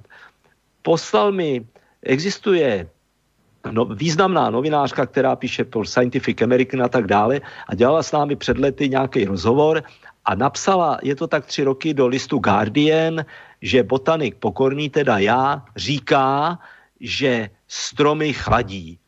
A já s tou vůbec nemám radost, protože jak je možný, že toto je novinka, že jo, když jsme ještě 50. 60. letech, myslím, přestali být povinný k áleje, protože lidi chodili pěšky, dobytek chodil pěšky, armády chodili pěšky, tudíž se vědělo, že potřebují stín a my dneska, kdy vlastně nestačilo se to dát do učebnic, a ty lidi jezdějí. Klimatizovanýma autama, se vozí, vozí do školy, pak jsou zase v nějaké třídě, tam si pouštějí obrázky na počítači a pak jdou domů, takže zejména z těch velkých měst vám prostě vycházejí lidi, kteří dělají modely, dělají vědu, ale chybí jim ta základní zkušenost v tom, co měl každý ten zemědělec, že holci ten chleba a to, já nevím, nějakou tu meltu pil pod ve stínu stromu. A to, to přestalo. Tahle zkušenost nám vypadla a nedostala se do učebnic. Já myslím, že to je jedna z těch, z těch problémů. No. No, starali se o tu, to, co ještě malinko pamatuju ještě z těch 60. let, starali se o tu krajinu, takže samozřejmě se pravidelně čistili studánky, u těch studánek se chodilo, eh, chodilo na tu, k těm studánkám na tu svačinu právě, tam se jo, chodilo jo. pro tu vodu, když se ještě dělalo na poli a přecházel se z jednoho pole na druhé, to znamená se důsledně znala ta krajina, eh, vědělo se, co které pole obnáší, co který mokřad obnáší. Samozřejmě ty mokřady to je, to byl velký problém, protože tam potom postupně se i toto asi vytrácelo, to, to, to vědomí toho, že potřebuju eh, to, to, to vlhko dole, abych měl třeba ten eh, les eh, nahoře, který mi neuschne. Tak ten selský rozum se ztratil, no. Hmm. Protože se ztratil sedlák. No, ztratil se, ano, ztratil se tak, že byl přirozeně s tou krajinou zpět. E, a děsí to trochu člověka, když potom vidí na tom poli ty mašiny, které ho přejedou za pět minut a je hotovo, je tam jenom, e, jsou tam tři centimetry, je tam vysoká tráva, už je zpracovaná, připravená na krmení, mm, tak je to tak e, bez dotyku té půdy, no, je to zvláštní. Je to zvláštní pocit. No, e, tak e, ty mladí lidé se nám psychologizovali a Eh, daleko méně studují fakta, jako nehodnotí pak ty věci, jako jsem říkal, kriticky. No k tomu životnímu prostředí často přistupují dost emotivně. To bude taky možná, možná velký problém. A já mám právě pocit, pocit že právě ten, ten zápal těch aktivistů, který vede k těm těžko napravitelným škodám, že je právě zneužívána, že dokonce eh, taková ta nová hesla, eh, kolikrát už jsme slyšeli, že mládí vpřed a tak dále, eh, takže jsou opět zneužívána, eh, přestože víme, že k těmto všem věcem je třeba nějaká zkušenost a eh, volá se dokonce, aby se eh, volilo eh, již v útlém dětství. Eh, nějací šílenci dokonce prosazují, že dítě má mít už po narození hlas svůj a, a takové eh, právní fikce se vymýšlí. No, takže vlastně se vytrácí ta zkušenost, to, co říkáte, vytrácí s tím sedlákem, s těmi lidmi, kteří žili těmi staletími a přenášeli se z těch předků na ta další pokolení, se přenášely zkušenosti, tak to vlastně jako by bylo téměř až záměrně přerušováno já souhlasím s tím, co, co říkáte, to, aby lidi volili mladší, no to znamená, že se dají snáš zmanipulovat. A to, je špatně, pochopitelně, že to je špatně. A takhle nesporně, že za mnohým aktivismem je dobrá vůle, nesporně. No jo, ale hm, já, já vidím ty lidi, co se přivazovali k těm stromům, že jo, protože se kácí zelený strom, když se kácí kůrovec, no. Ale spíš si říkám zase, kdo jsou ti, kteří jako dospělí tohle to prosazovali a kdo jsou ti, kteří je pouštěli do toho, do té televize a opakovaně a do toho rozhlasu opakovaně, zatímco ty mlčenliví lesníci to ani neposlouchají, protože by se zbláznili z těch řečí. Mm-hmm. Ano, ano, ano. Teďkon, kolik je nešťastných lidí, když on k tomu lesu přijde a ten les je rezatej a ví se, že on za to nemůže, protože na ten les mu ten kůrovec naletěl v takovým roji, nebo jak to nazvat, mm. že těch stromů najednou uschlo 100. To znamená, že to tady lítá neřízeně. Dřív to fungovalo tak, že tamhle byl ryzatý strom a protože ty lidi byli v lese, tak prostě to bylo první, co se udělalo. Ne, nesměl být rezatý, že jo. Byl, byl jenom seschlej a on viděl ty pilinky, jak tam se sypou, tak už tam běželi a zlikvidovali to a pokud se zase, pokud se stalo, a ten jeden strom napadený, že z toho teda on vylí ten kůrovec a bylo jich tam deset, no tak to už byl pěkný malér. A my jsme, my jsme to vzdali. A není pravda, že to je jenom tím teplem a klimatickou změnou. Stačí od nás tady přejet 25-30 kilometrů do Ličau, to znamená na tu rakouskou stranu, kam teda zrovna od, teď od včerejška nemůžeme, ale eh, mohli jsme a vidíte, že ho tam zatím držej na úzdě, toho kůrovce, přestože od nás tam toho lítá hodně. A takže mě mrzí, že jsme ten že jsme to hospodaření vzdali v tom lese. Ono to má samozřejmě také hodně společného s tím, eh, jak se eh, rychle a překotně eh, změnila společnost po převratu v roce 89, protože najednou ta, ta touha podnikat, ta touha vlastnit, když předtím bylo všechno kolektivní, vedla často k tomu obrovskému sobectví třeba v nakládání se zdroji života, že jo, s rovinama, vodou, vzduchem a tak dále. Takové to nerozumné uspořádání, že vlastně najednou všichni mohli, nebo, nebo jednotlivci mohli vlastnit eh, nerostné eh, suroviny. Eh, já si myslím, že to je, to je špatně, to bez kontroly státu tyto věci vůbec, zvláště v takové malé a na suroviny chudé zemi, to nelze přece jako vůbec dopustit. No dopustilo se to. To je, ta, to je věc ústavy, že jo? To je věc ústavy a to je věc... Eh, ústavy, no, no ne, čili vůbec... to je princip, já, já, já souhlasím, to je principiální věc, že ono vůbec voda, no, tak... No, a... Principu přemýšlení, protože půda, to je to, to, to, to, to tež, to není tak automaticky, jak si člověk ji nevytvořil. Nech to, co vytvoří, tak nech tím, co podniká, to, co vymyslí, eh, narýsuje, sestrojí, tak nech s tím nějak podniká, ale, ale s tím, o co se vůbec nezasloužil, co nám bylo dáno jako dar, to je, velk, to je filozofická záležitost, souhlasím. souhlasím. Já, mně se vybavili lidi, kteří vlastně rybníci, rybníky, který když slyšeli, že se mají privatizovat rybníky, protože byli rybáři, jak se tak vyděsili, že řekli, no to, to, to musíme zprivatizovat mi, než, než to někdo úplně zmrší. Ale tě, tím je chválím, jo, svým způsobem. Jasně, že, že to ještě někteří aspoň zachránili poslední chvíli. No. A co teda dneska, není vám líto, že zasedá Bezpečnostní rada státu a honí někde eh, koronavira a, eh, a přitom do té doby si nespomněl, eh, si ten stát nebo politici na to, že tady probíhají katastrofy, které v samém základě eh, ohrožují vlastně existenci naší pospolitosti. Jako ty, ty, ty, ty pány samozřejmě politiky zanechává klidnými a občany bohužel do značné míry také. Teď tady tady jsme všichni v tom zákrytu eh, boje o eh, zdraví proti epidemii, ale nicméně málo koho předtím napadlo, že tady probíhá něco, co eh, obrovsky ovlivní život příští generací.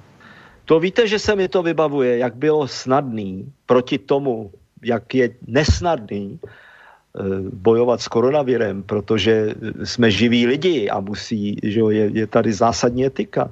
Jak bylo snadný zastavit kůrovce.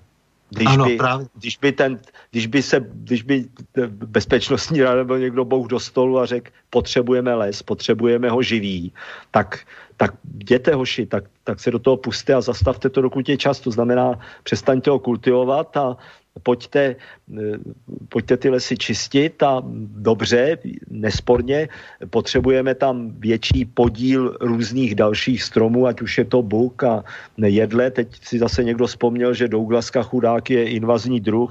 Já bych rád věděl, kde to je, abych si ji tam vzal. A hm, mohli jsme mít, mohli jsme mít eh, zdravější lesy, že jo. To, a bylo by to snažší, daleko snažší než s tím koronavirem. No. To, nevím, kde je to zanedbání základní. Jo. Kdo to Víte, chtěl?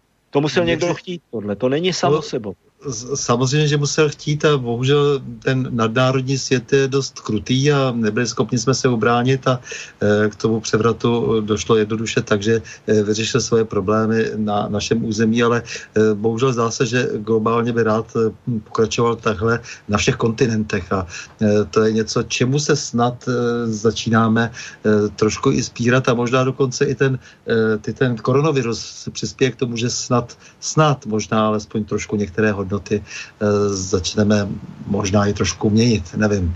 Eh, uvidíme, jak to, jak to celé skončí. Eh, víte, mě ještě navíc vadí, třeba když ekonomové říkají, máme se nejlépe, jak jsme se kdy měli a vůbec třeba nemluví o tom, za jakou cenu, třeba ty, ty ceny, o kterých mluvíte vy, v tom životním prostředí jsou velmi vysoké, ale také samozřejmě naprosto prax prostě žijeme na dluh, téměř jsme prodali zemi pod nohama a e, takový popis, tahle ta taková analýza nebo produkce e, je prostě pro mě obyčejným podvodem, když se takhle mluví. No, teď je, uvidíme, bude teda jedna rovina koronavirus a druhá rovina to, na co jste si mě pozvali, to je teda ta voda v krajině a já si to nepřeju, ale já se obávám, že teda budeme mít ještě horší sucho než bylo, protože pokud to, co jsem se snažil, se, v první řadě já říkám to, co jsem se naučil, ne to, co jsem vymyslel. A to, tady mám, tady koukám na knížku od Humboldta, že jo, to je mm-hmm po napoleonských válkách Alexander Humboldt. A vyšlo teď krásně v česky Zázrak přírody, což ta, to je Intka, která to sepsala, to Humboldt. A pak tady koukám na jinou knížku uh, Vladimír Ulehla, to je rok 47, Napojíme prameny. No to, to je prostě to je naprostá současnost. Takže lec jaký města, díky tomu, že máme přehrady, pán za ně zaplať, že byly vybudovaný, mají vodu, včetně mýho města Jindřichův Hradec, protože jinak jsme brali vodu z nežárky a ta skoro neteče v létě. A my, ten koronavirus nás teď učí asi, že bychom se měli hledět být soběstačný a vlastně vydržet určitý situace z místních zdrojů. A tak pojďte se zamyslet, jak to vypadalo před 50 lety s vodou v našem, tam, kde žijeme a jak to vypadá teď, jestli bychom vlastně tu vodu ještě získali, kdybychom tady v Čechách neměli želivku a my kdybychom neměli Římov, ale my bychom měli mít ty zásobní zdroje vody, abychom mohli přežít, když by se něco semlelo. A vlastně od té vody, jestli nějaký poselství bych měl říct, nebo tak přes tu vodu můžeme rozumět tomu, jak s krajinou zacházíme. Mhm.